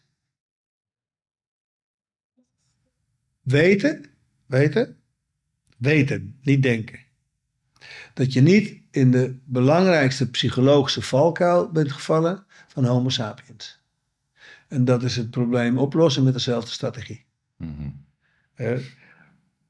Dat is een, val, is een psychovalkuil van Homo Ik sapiens. zal het eh, her- Ik ga, ik, ga, ik, ga toch, ik, ga, toch nog eens ik proberen. ga toch nog eens een keer proberen. Op dezelfde Op manier. dezelfde manier. Ja. Het lijkt op de andere manier, maar het is dezelfde manier. Dus je, dus je, moet, je, je moet de drie psychologische valkuilen eh, in kaart brengen. Eén,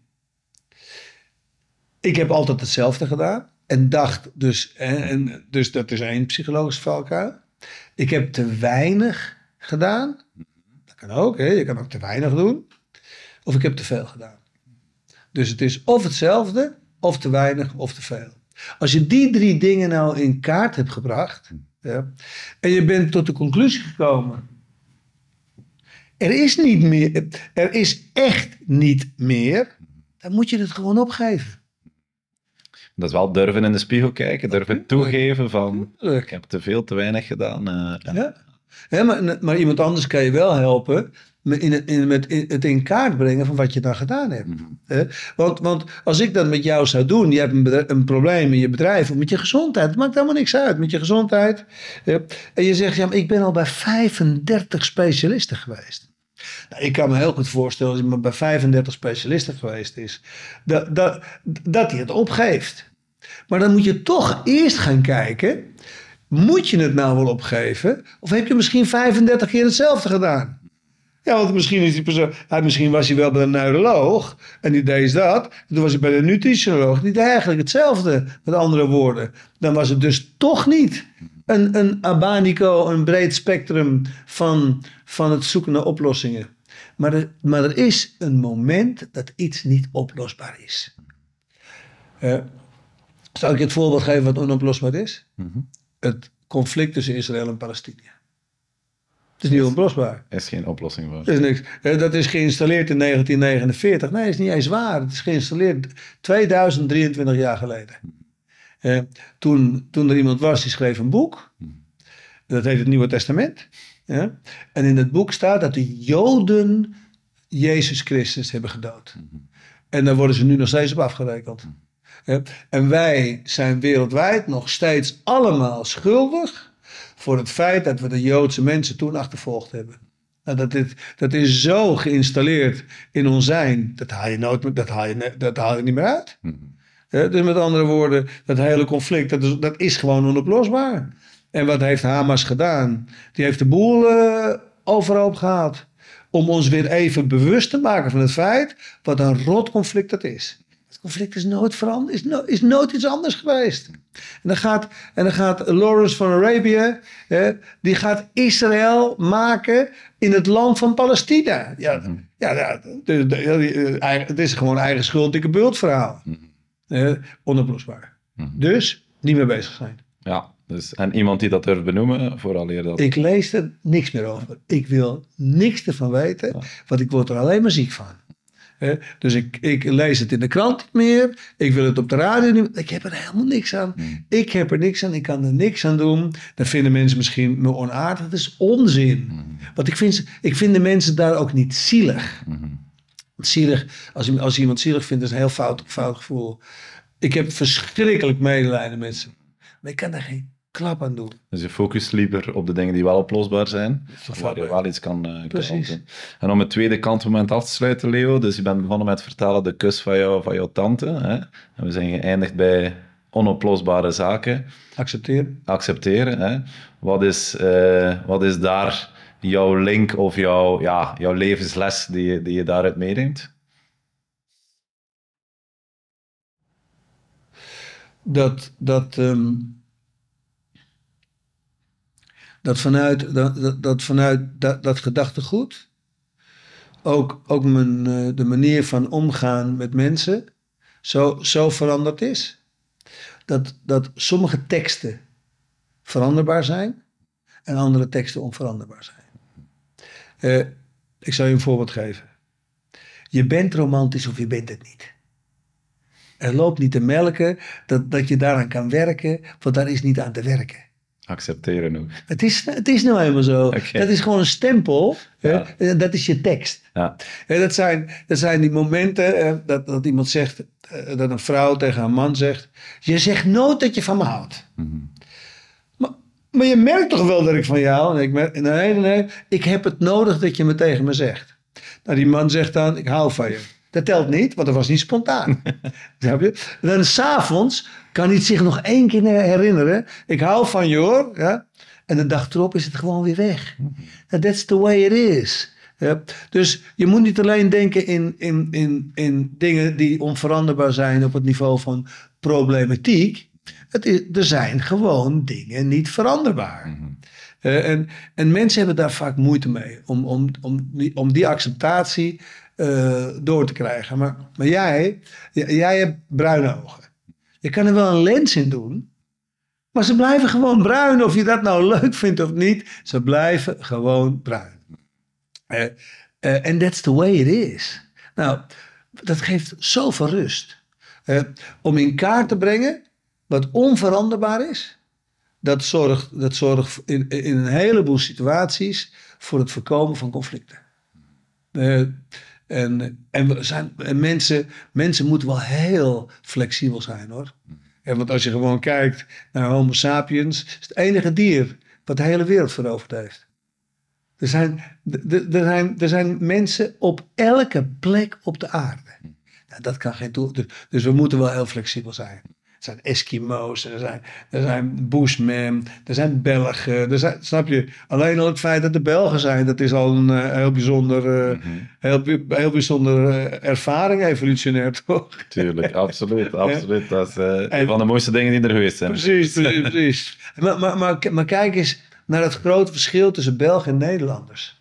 We, zitten, we, wonen, we wonen bij elkaar en we zijn totaal twee andere species. Maar het is toch prachtig? Het enige wat je moet afvragen, wat is veranderbaar? Dus dat heb ik geleerd. Dat niet alleen maar ehm, dingen, niet alles op te lossen zijn. Maar dat ook bepaald gedrag onoplosbaar is. En andersom ook. Dat, dat er dus daaruit voortkomt dat er dus dingen, die heb je nodig. En als je die uit het systeem haalt, word je er ziek van. Dus, het, je moet dus, niet, dus het is ook even andersom. Hè? Dus het is ook zo van oké, we hadden het even in het begin over de natuur. Haal de natuur uit de mens en ik kan je garanderen dat we allemaal ziek worden. Dat er geen één persoon is die van de niet-natuur niet ziek gaat worden. Eh, Dat is een harde uitspraak en die neem ik niet terug. Eh, dat, is, eh, eh, dat, is, dat is een, een, een, een ambitieuze uitspraak, maar ik neem hem niet terug. Nee. En, en, en dus, dus hoor je, en dat meen ik trouwens echt, je hoort als bedrijfsvoerder van een bedrijf ervoor te zorgen dat je werknemers de tijd krijgen om in het groen een vergadering te doen. In het groen een vergadering doen heeft niks te maken dan in een stad een vergadering doen. Stuur ze maar het bos in, maar, ik, maar letterlijk stuur, en stuur ze Echt maar, in het bos. maar echt in het bos Mhm. en laat ze daar wandelend vergaderen. En het gaat niet om het wandelen, het gaat om het bos. Dat is een heel groot verschil. Eh, dat, eh, en al die, al die toestanden over, ja, het is een beetje over teambuilding met al die oefeningetjes. Snap je? Ja, ik, ik, ik, dat, is, dat is niet, dat is not my thing. Nee. Ik zeg niet dat het soms niet werkt, maar ik, ik, ik heb er een hard hoofd in dat het werkt. Het, is, het ziet er wel goed uit, het is ook wel leuk. Mhm. Ga gewoon lekker met je, met je afdeling in het bos wandelen. Mhm. Dat is goed voor de connectie. Dat is al zat. Dat is al zat connectie. Want daar zijn we verbonden allemaal met iets eh, wat ecologisch gewoon in ons systeem zit. En dat is groen. Mhm. En dan hoef je geen trucjes te doen. Ga je gewoon lekker wandelen. Uh, een uur wandelen en, en dan komt een gesprek vanzelf op gang. En er gebeuren zulke idiote dingen waarvan mensen niet eens weten dat ze gebeuren. Het is gewoon onderzocht. Eén uur wandelen in, het- in het bos. Vergeleken met één uur wandelen in een stad. Mhm. Dan denk je, nou, ik ben het wandelen. Maar het wandelen heeft er helemaal niks mee te maken. Heeft er niets mee te De maken. context en de setting. Er komt in, in het bos gaan bij alle deelnemers de cortisolgehalte naar beneden. Bij alle deelnemers. En, er is, en de range van zakking is zo klein. Dus hebt- dat, dat is wat je moet onderzoeken. Je moet onderzoeken, was universeel of was individueel? Oké? Dus ik kan me heel goed voorstellen, ik in een stad reageer met verlaging van cortisol Mhm. en jij met verhoging van cortisol. Dat is helemaal niet waar. Bij ons allemaal gaat de cortisol omhoog. Ons allemaal. Universeel. Allemaal. Jij, hij, ik, allemaal. Dan gaan we het bos in Mhm. en bij ons allemaal gaat de cortisol naar beneden. Al hou je niet eens van het bos. Je kan er potverdorie niks aan doen. Mhm. Nou, dus dat betekent dat de natuur nooit uit het lichaam van de mens verdwenen is. Dus, dus dat zijn de dingen die ik geleerd heb van die ene kus. Dat er onveranderbare dingen zijn aan de linkerkant, aan de rechterkant. En als we daar ons bewust van worden, dan, weet je, dan hebben we de mogelijkheid om een, om een basaal ding neer te leggen. Waarna, waarna het hebben van succes eigenlijk een logisch gevolg is. Mhm. En niet meer een doel op zich. En want ik heb nog nooit succes als doel gezien. Wat is uw definitie van succes? Is de consequentie van het, van het op de juiste manier hebben definiëren van een doel.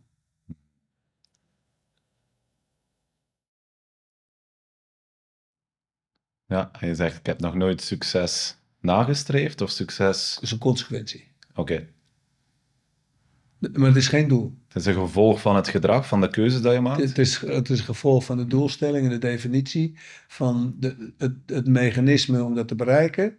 En wat is mijn, wat is mijn, wat is mijn onvoorkomelijke consequentie daarvan? Succes. Je kan, er- je, kan er niet eens, je kan dan niet eens er wat aan doen dat het succesvol is. Mooi. Dat is een andere mindset dan gewoon zeggen, succes is het doel. Ja? En, eh, ja. Succes is de consequentie. Alright, dankjewel Leo voor deze eerste twee kanten die eigenlijk uit uw ja, jeugd, eerste 18 levensjaren komen, maar super interessant. Eh, tijd voor het derde kantenmoment. Wat was nog een moment in jouw leven die, eh, of in jouw ondernemerschap die, die belangrijk is geweest? Tot op vandaag, de dag. Ja. Dat is een stuk later. Een stuk later. Met deze twee kantelmomenten kon ik een hoop doen. Kon ik een hoop eh, ondernemen. Kon, een hoop, kon, kon ook een hoop uh, bereiken. Maar misschien mist, miste ik dat ene, ene dingetje. Wat ik, wat je al in het begin zei. Wat me rust heeft gegeven. uh, ik, ik, was in Villarreal in, in, in 1998. Daar hadden we een project om uh, naar, de, naar de Primaire Division te, te, gaan. En ik was daar zo bezig met mensen aan het overtuigen. Uh, als je mensen, bezig bent met mensen het overtuigen, dat is onrustig. Het is voor jezelf onrustig, het is voor hun anderen onrustig. Als, en als je dan niet meegaat in dat proces, dan word je er ook zenuwachtig van. Dus er is, er is een kantelmoment geweest van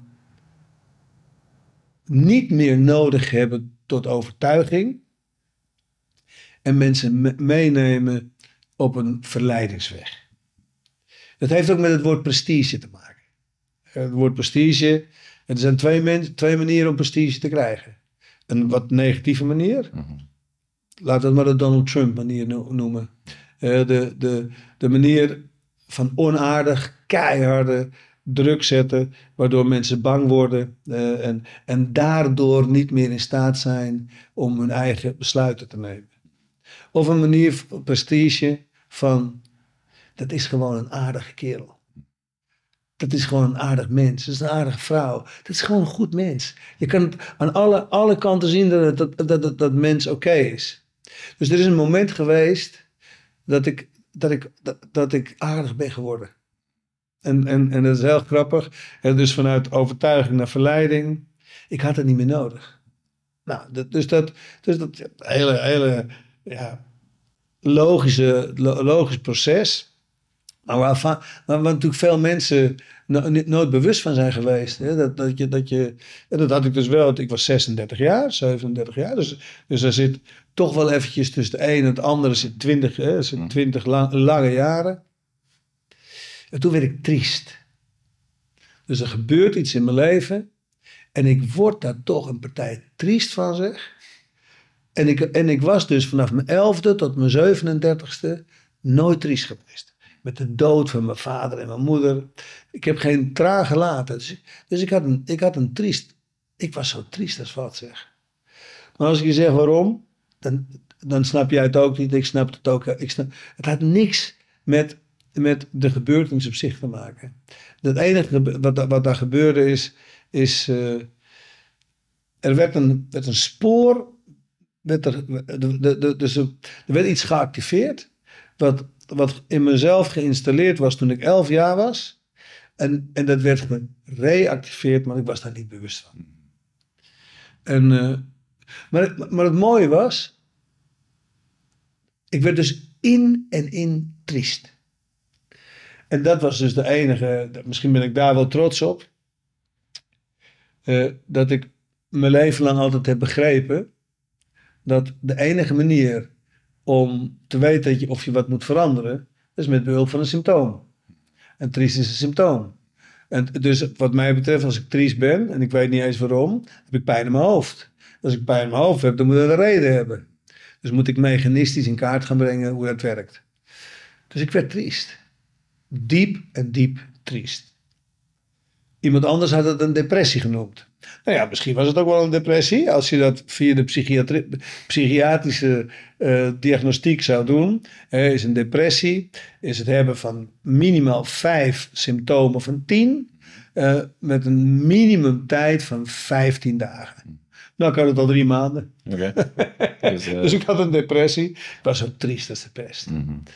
Dus toen ben ik op, op zoek gegaan naar, naar, naar het waarom van mijn hoofdpijn. En, en, ik, en, en, en uh, ik kwam daar eerst niet achter.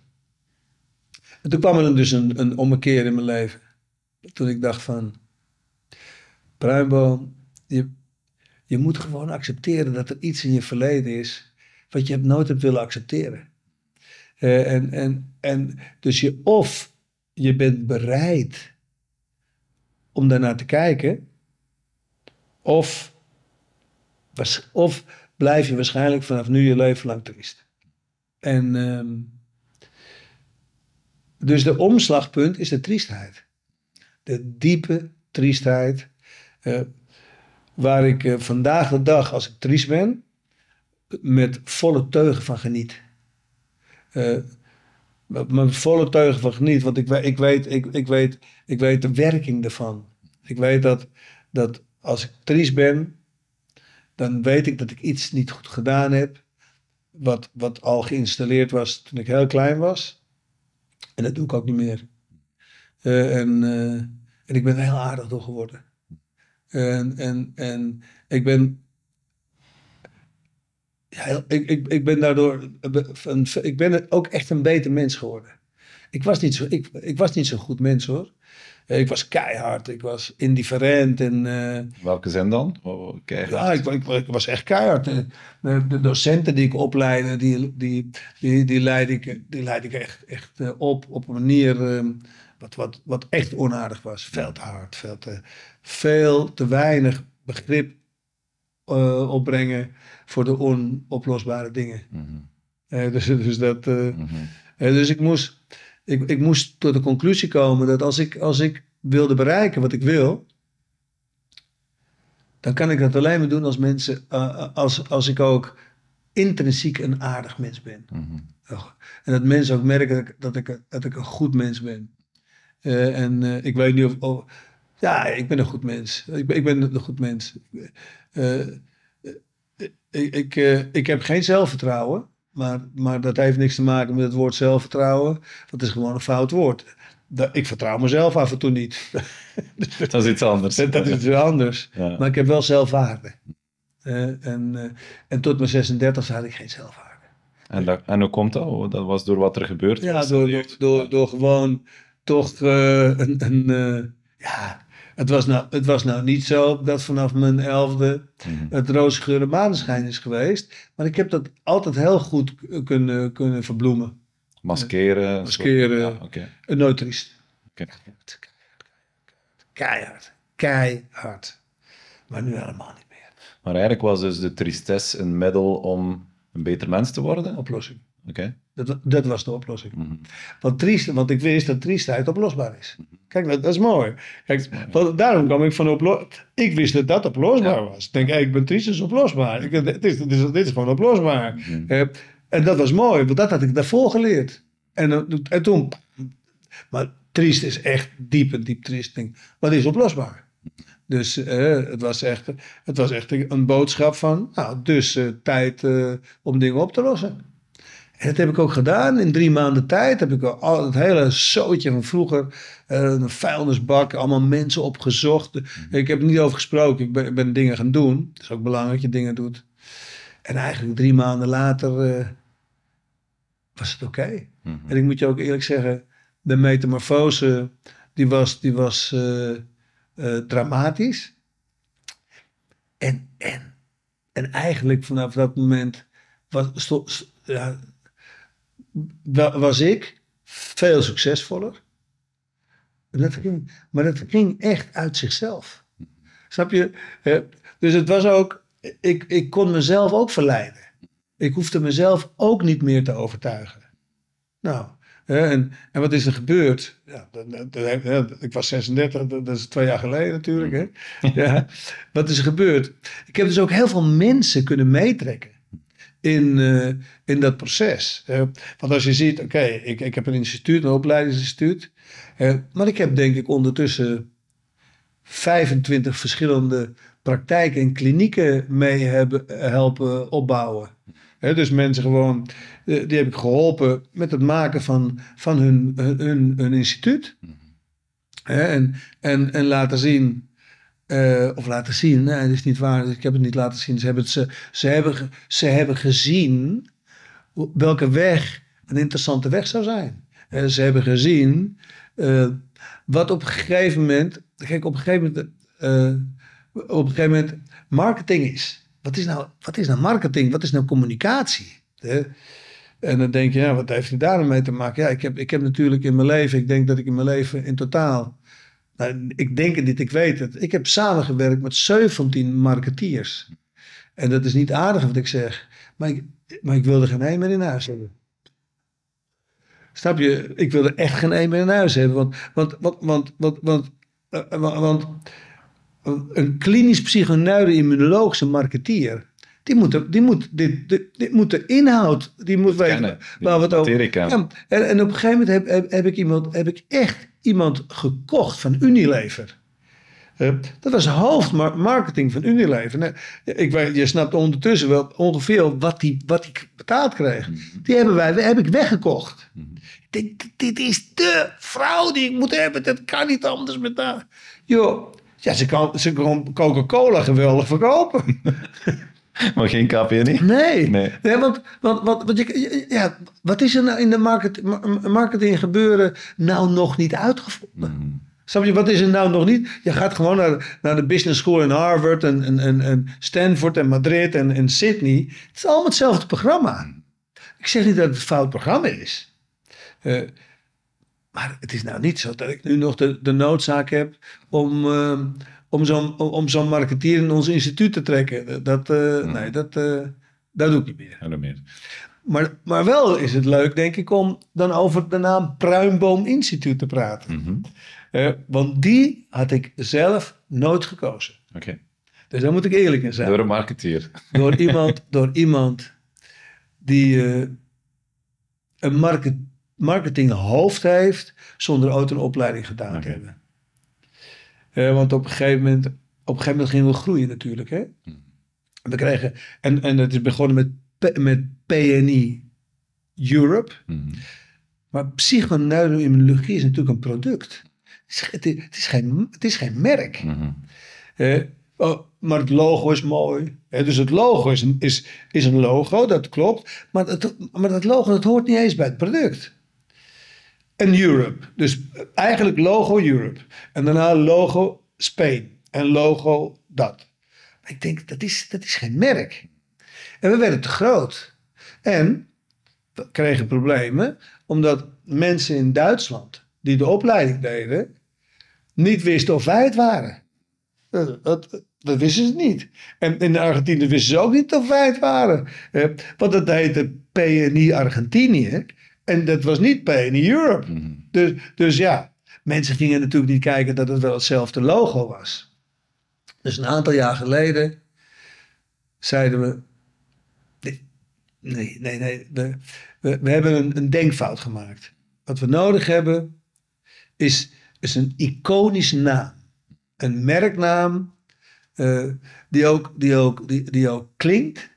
Een merknaam die ook impact heeft op, op het ritme, dus eh, op de frequentie van de hersenen. Eh, en, en, en, en die dus een impact achterlaat. Het is helemaal niet belangrijk of dat wel of niet een, een, waarde heeft. Het heeft belangrijk dat het een juiste frequentie heeft, een juist ritme. En ik was dus bezig met ritmes. Ik was bezig met de spirituele kant van de geneeskunde. Dat heeft met ritme te maken. Niet esoterisch, gewoon puur ritme. Zon-maan-ritme, dag-nachtritme. eh, menstruatie, dat is allemaal ritme. En, en wij zoeken, jongen, en zoeken. Zoeken en zoeken. En die erbij. Op een gegeven moment zitten we met 82 docenten, 82 docenten, die al jaren meedoen, die het ding snappen. En het was echt een zootje. Prachtige namen, maar echt hele mooie namen.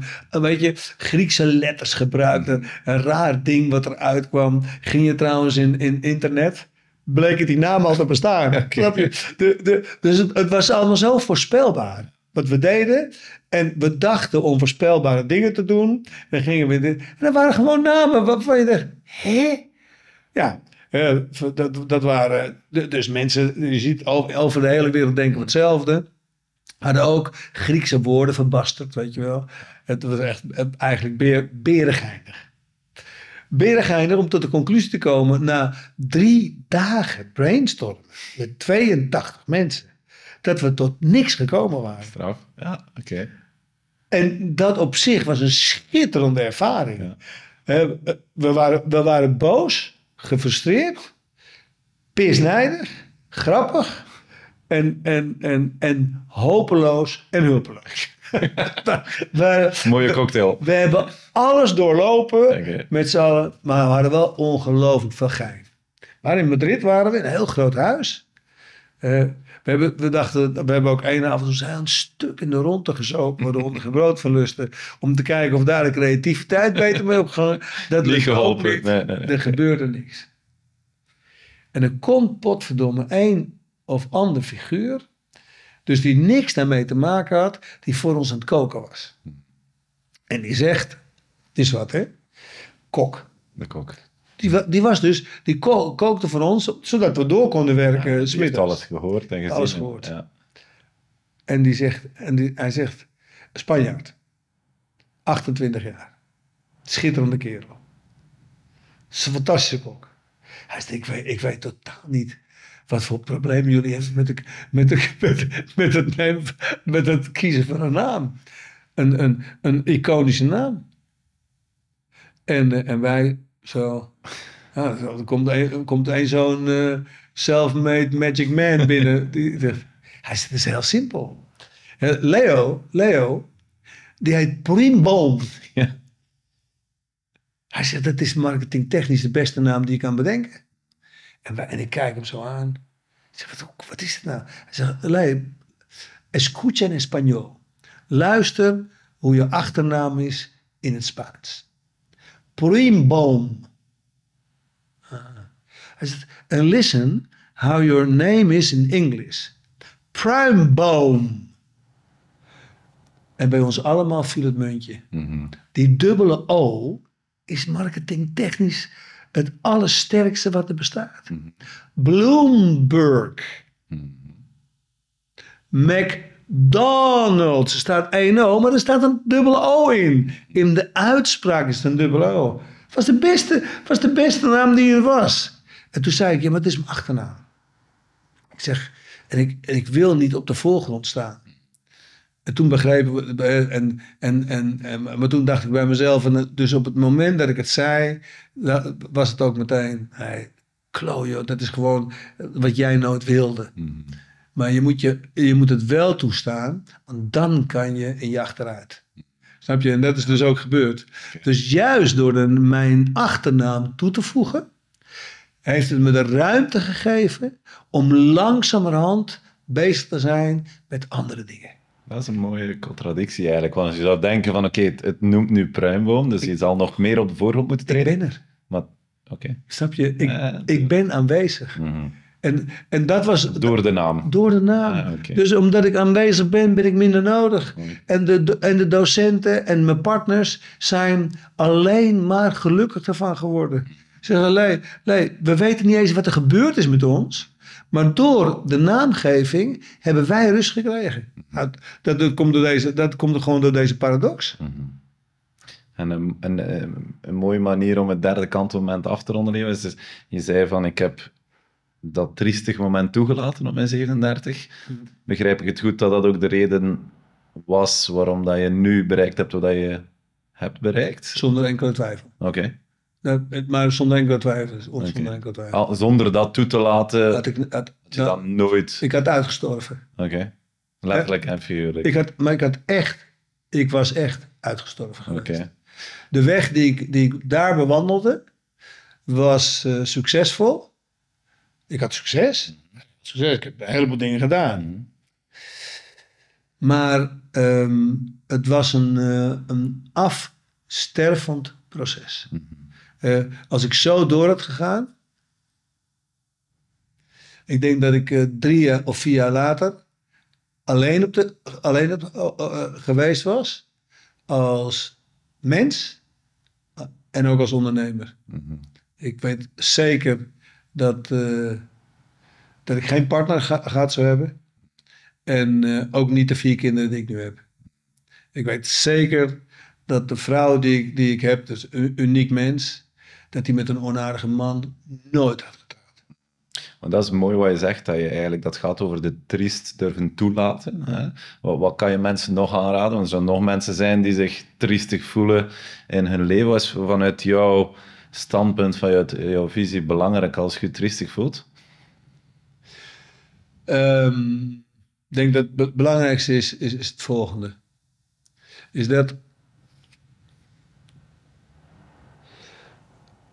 als we praten over, over, over ehm, het kunnen bereiken uh, van succes als consequentie van het plan, zal je continu bereid moeten zijn om alles wat tegen je gezegd wordt, van binnen en van buiten, op, in het juiste raam, in het juiste frame in moeten kunnen passen. Dus dat betekent dat op het moment dat er een dag voorbij gaat, drie dagen voorbij gaat of een week voorbij gaat, en je bent s'avonds elke avond moe, dat je je echt moet gaan afvragen of al de dingen die je overdag gedaan hebt wel hoort bij jouw ritme. Hoogstwaarschijnlijk niet. Laat ik het zo, laat ik het heel netjes zeggen. We hebben als mens maar één manier om te communiceren. Meer niet. En dat doen we met behulp van symptomen. Maar wel, ook, ook hier is de, is de etymologische oorsprong van een woord van groot belang. Een, een symptoom betekent echt alleen maar een, een, een, een, uh, een gevoel, een feeling, die vraagt om verandering. Met andere woorden, als je daar niet naar luistert, dan zal je ook niks gaan veranderen. En dat betekent niet dat elk frummeltje, dat je daar uh, op moet reageren, maar dat je wel bereid moet zijn, vooral bij, her, bij herhalend optreden van, zowel van binnen als van buiten, dat dat alleen maar om één ding vraagt, en dat is verandering. Hmm. Uh, en als mensen dan onrustig worden in het bedrijf, mensen worden onrustig in het bedrijf. En on onrust, dat zit in de, frontale cortex. Onrust betekent niet meer en niet minder angst voor het onbekende. Onrust betekent er is iets onbekends, ik ben er bang voor en ik, krijg, ik, ik, ik kan mijn vinger niet opleggen. Dat je, dan dat, dat je dan bewust moet zijn dat het best zo zou kunnen zijn dat er intuïtief mensen bestaan, en die bestaan ook echt, die eigenlijk al weten dat er een economische crisis aankomt. En, en dat je die mensen ook, ook gaat gebruiken, als wat mij betreft, een, een, een, een soort van, een soort van uh, thermometer. Tuurlijk, dan, dan komt de zogenaamde cognitieve. Um, onkwetsbare CEO dat horen en die zegt dat is esoterie. En dan zou mijn antwoord zijn: I'm very sorry. De manier uh, dat jij onkwetsbaar bent, dat is esoterisch. En dat we beïnvloed worden door 185.000 dingen en dat dat meetbaar is, dat is niet esoterisch. Het enige is, wat eventueel zou kunnen, is dat je niet weet hoe het werkt, dat de beste oplossing is het af te weren. Dus uit onwetendheid dat je dat soort dat, dingen dat je, doet. Dat je dan gewoon zegt, het is niet zo. Ja, maar het gaat wel over zelfinzicht en, en jezelf durven uh, herkennen. Je moet wel groeien als... Uh, uh, een paar grijze haren is soms wel goed. Ja, oké. Okay. Ja, je hebt nog geen, dus... Nee, heb Oké, okay, voordat we nog even vooruitkijken, Leo, nog even terugkijken uh, op de vele dingen die je al hebt gedaan. Want was het uh, het allermoeilijkste moment van alles wat je hebt meegemaakt in je leven?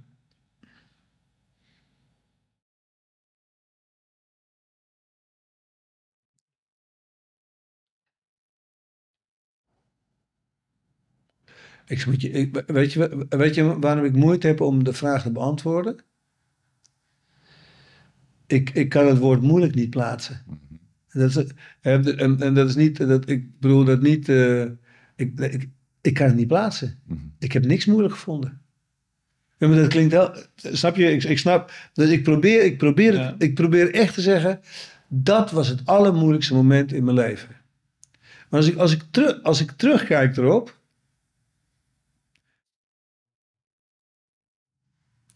dat, dat, ik heb pijn gehad. Uh, ik heb geleden. Ik heb ook andere mensen laten lijden. Dat, dat waren natuurlijk hele moeilijke momenten. Maar als ik daar nu op terugkijk, het, uh, dan moeilijk in, het, in, in, in, in, in de definitie of ik daar moeite mee heb. Mm -hmm. Dat heb ik niet. Dus dat, dat kan ik niet zeggen. wat, wat misschien eh, het moeilijkste is op, op het niveau van vaardigheden wat ik gedaan heb. Maar dat is dan niet. Een moeite mee hebben is, is een andere definitie van, van moeilijk vinden. Dat was ehm, ehm, de reorganisatie van een heel groot. ehm, eh, van, een, van een heel groot winkel. eh, Hoe heet het? Ehm, supermarktketen. Oké. Dat heb ik gedaan. En daar moest ik iets doen. En dat was een heftige, heftige. eh, dat, dat, dat, dat was moeilijk. En, mo- en ik had er ook moeite mee. En dat kwam ook omdat ik, dat het tegen de grens van mijn vaardigheden lag. Ja?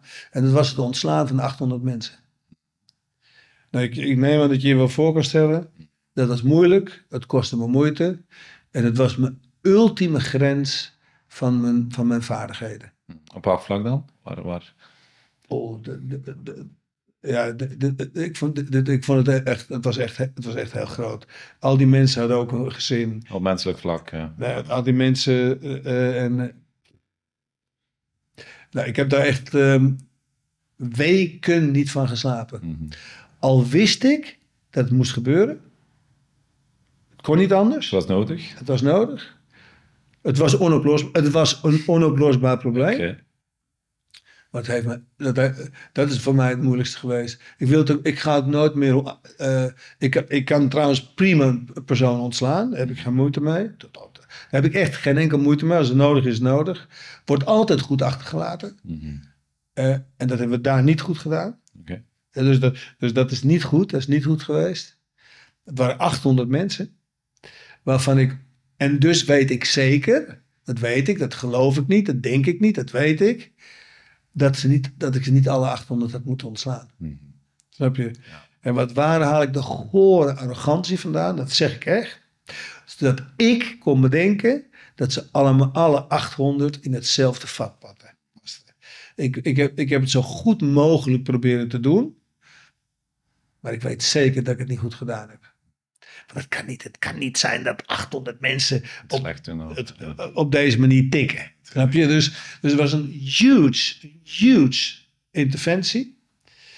Ehm, maar waar ik, eh, waar, ik, eh, waar ik heel erg last van heb gehad. Want, want ik geloof niet in dat het noodzakelijk is om, eh, om nevenschade te creëren. We hadden het beter moeten doen. Ik was heel jong hoor. Het was in 1991. Mhm. Eh, ik was een broekie. Mhm. En ze gaven me ook veel te veel verantwoordelijkheid. Heb ik ze natuurlijk zelf op me genomen, dus mijn eigen verantwoordelijkheid. Nou, dat heb ik niet goed, heb ik niet goed gedaan. Mhm. Waar heb je spijt van? Van te stoppen met voetballen. Ondanks dat mijn benen zeiden dat ik moest stoppen met voetballen. Als, je, als, je mij, als, je, als je me dat terugvaart, ik had nooit moeten stoppen. Oké. Dan had ik maar met, met op mijn 35 een paar kunstknieën moeten hebben. Het had, moet je eerlijk zeggen, het had me een zorg geweest. Mhm. Dat is het enige wat ik... Ik, ik zou zo graag nog voetballen. Dat is jouw hart en ziel. Ach, Want er zit ook een echte winnaar. Ik heb dat al Ja. gezien in de Intermittent Living gewoon- Coach. Ik, ik- ik moet gewoon weer. Heerlijk. Dus, eh, eh, wat is op vandaag je grootste uitdaging? In de situatie dat je vandaag zit met alle... Met de context. ik heb, ik heb vier, vier hele duidelijke doelen. Eén, ik wil dat de klinische psychoneurologie de basiswetenschap wordt. Het is geen behandeling, het is geen therapie, het is een analytisch proces. Hè. De basiswetenschap wordt van alle paramedische en medische beroepen. We, we moeten af van de versplintering. Dat is één. Twee. Dus dat is een, een ding wat ik samen met, met, met mijn vrouw doe. Hè. Dus ik denk dat het heel belangrijk is dat ik dat zeg.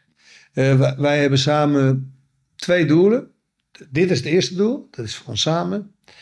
En, eh, en we willen onze kinderen een toekomst geven die eh, de toekomst voor hun leefbaar maakt. Kijk, toen wij klein waren, was het leven een stuk makkelijker. Eh, ik ben totaal niet jaloers op mijn kinderen. Eh, tot, echt maar totaal niet. Totaal niet. Eh, ik ging lekker voetballen op straat. eh, en nu zitten ze met dat kleren ding in hun hand. Dus dat is, eh, ik ben echt niet jaloers op ze.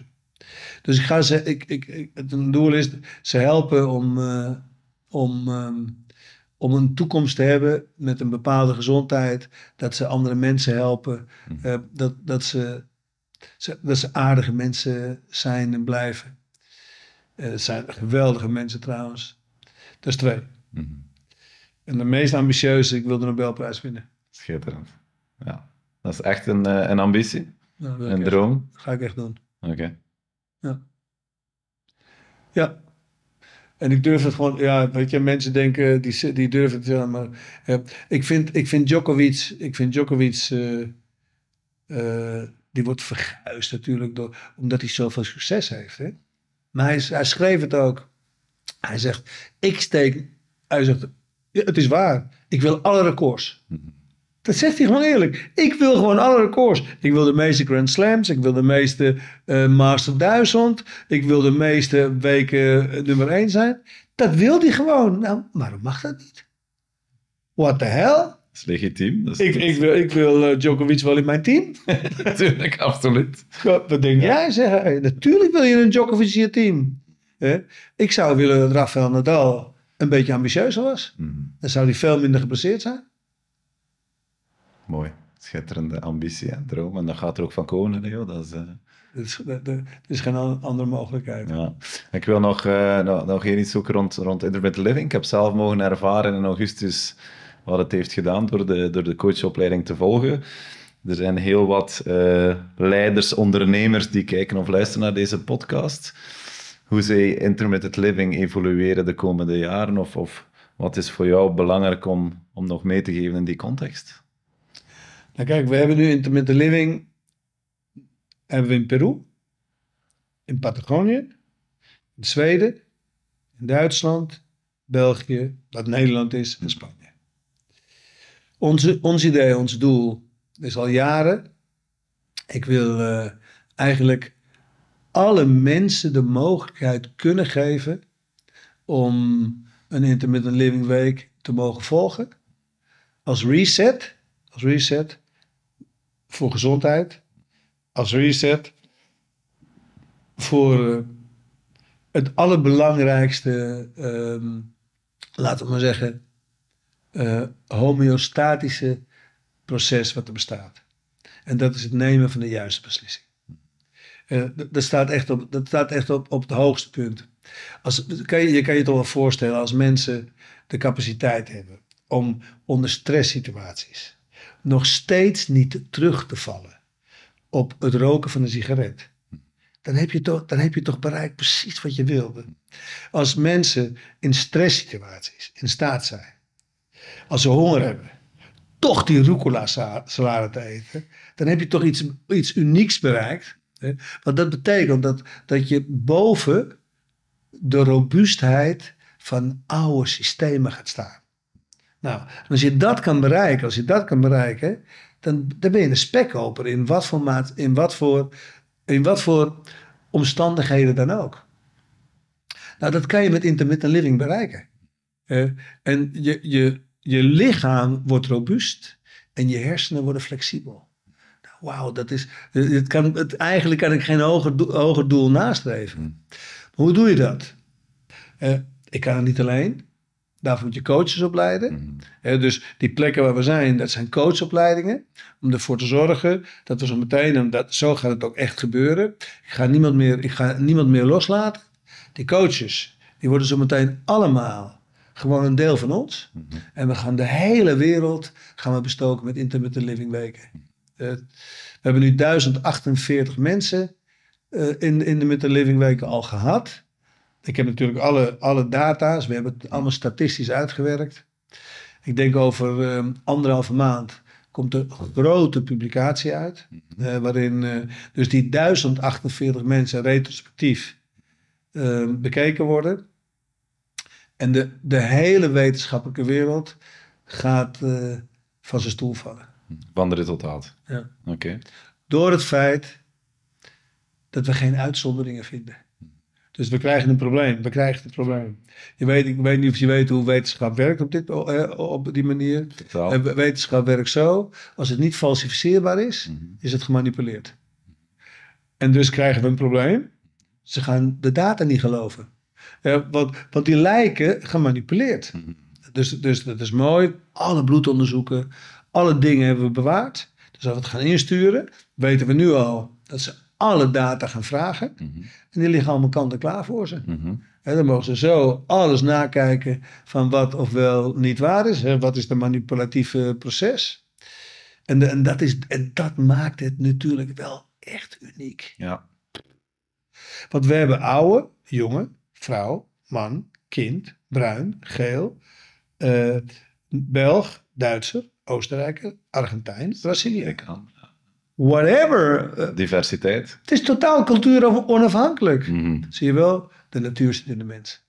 Schitterend. Dus binnen anderhalve maand wordt vervolgd. Ja. Dan, eh, Nee, ik ben alvast van eh, Leo en Intermittent Living. Ik zou het echt iedereen oprecht willen aanraden om zich erin te verdiepen, ermee te experimenteren. Ja. Dus, eh, dus voilà. Laatste vraag. Welke boodschap wil je nog meegeven aan collega-ondernemers, bedrijfsleiders die kijken of luisteren naar deze podcast? Ik denk de, de samenvatting van ehm, de samenvatting van ons gesprek. Luister naar de binnen- en de buitenkant. Geef niet op tot je moet opgeven. Schitterend. Leo, super bedankt voor eh, het heel mooie en open gesprek. Niet alleen over eh KPN Intermittent Living, maar ook over het leven. Leven. Over eh, wat je van je mama hebt meegekregen. Wat er in jouw jeugd is gebeurd, maar vooral ook over ja, de onoplosbare dingen in het leven en alles wat daarbij komt kijken. Dus Hartelijk dank. Het was, zeer, het aangenaam.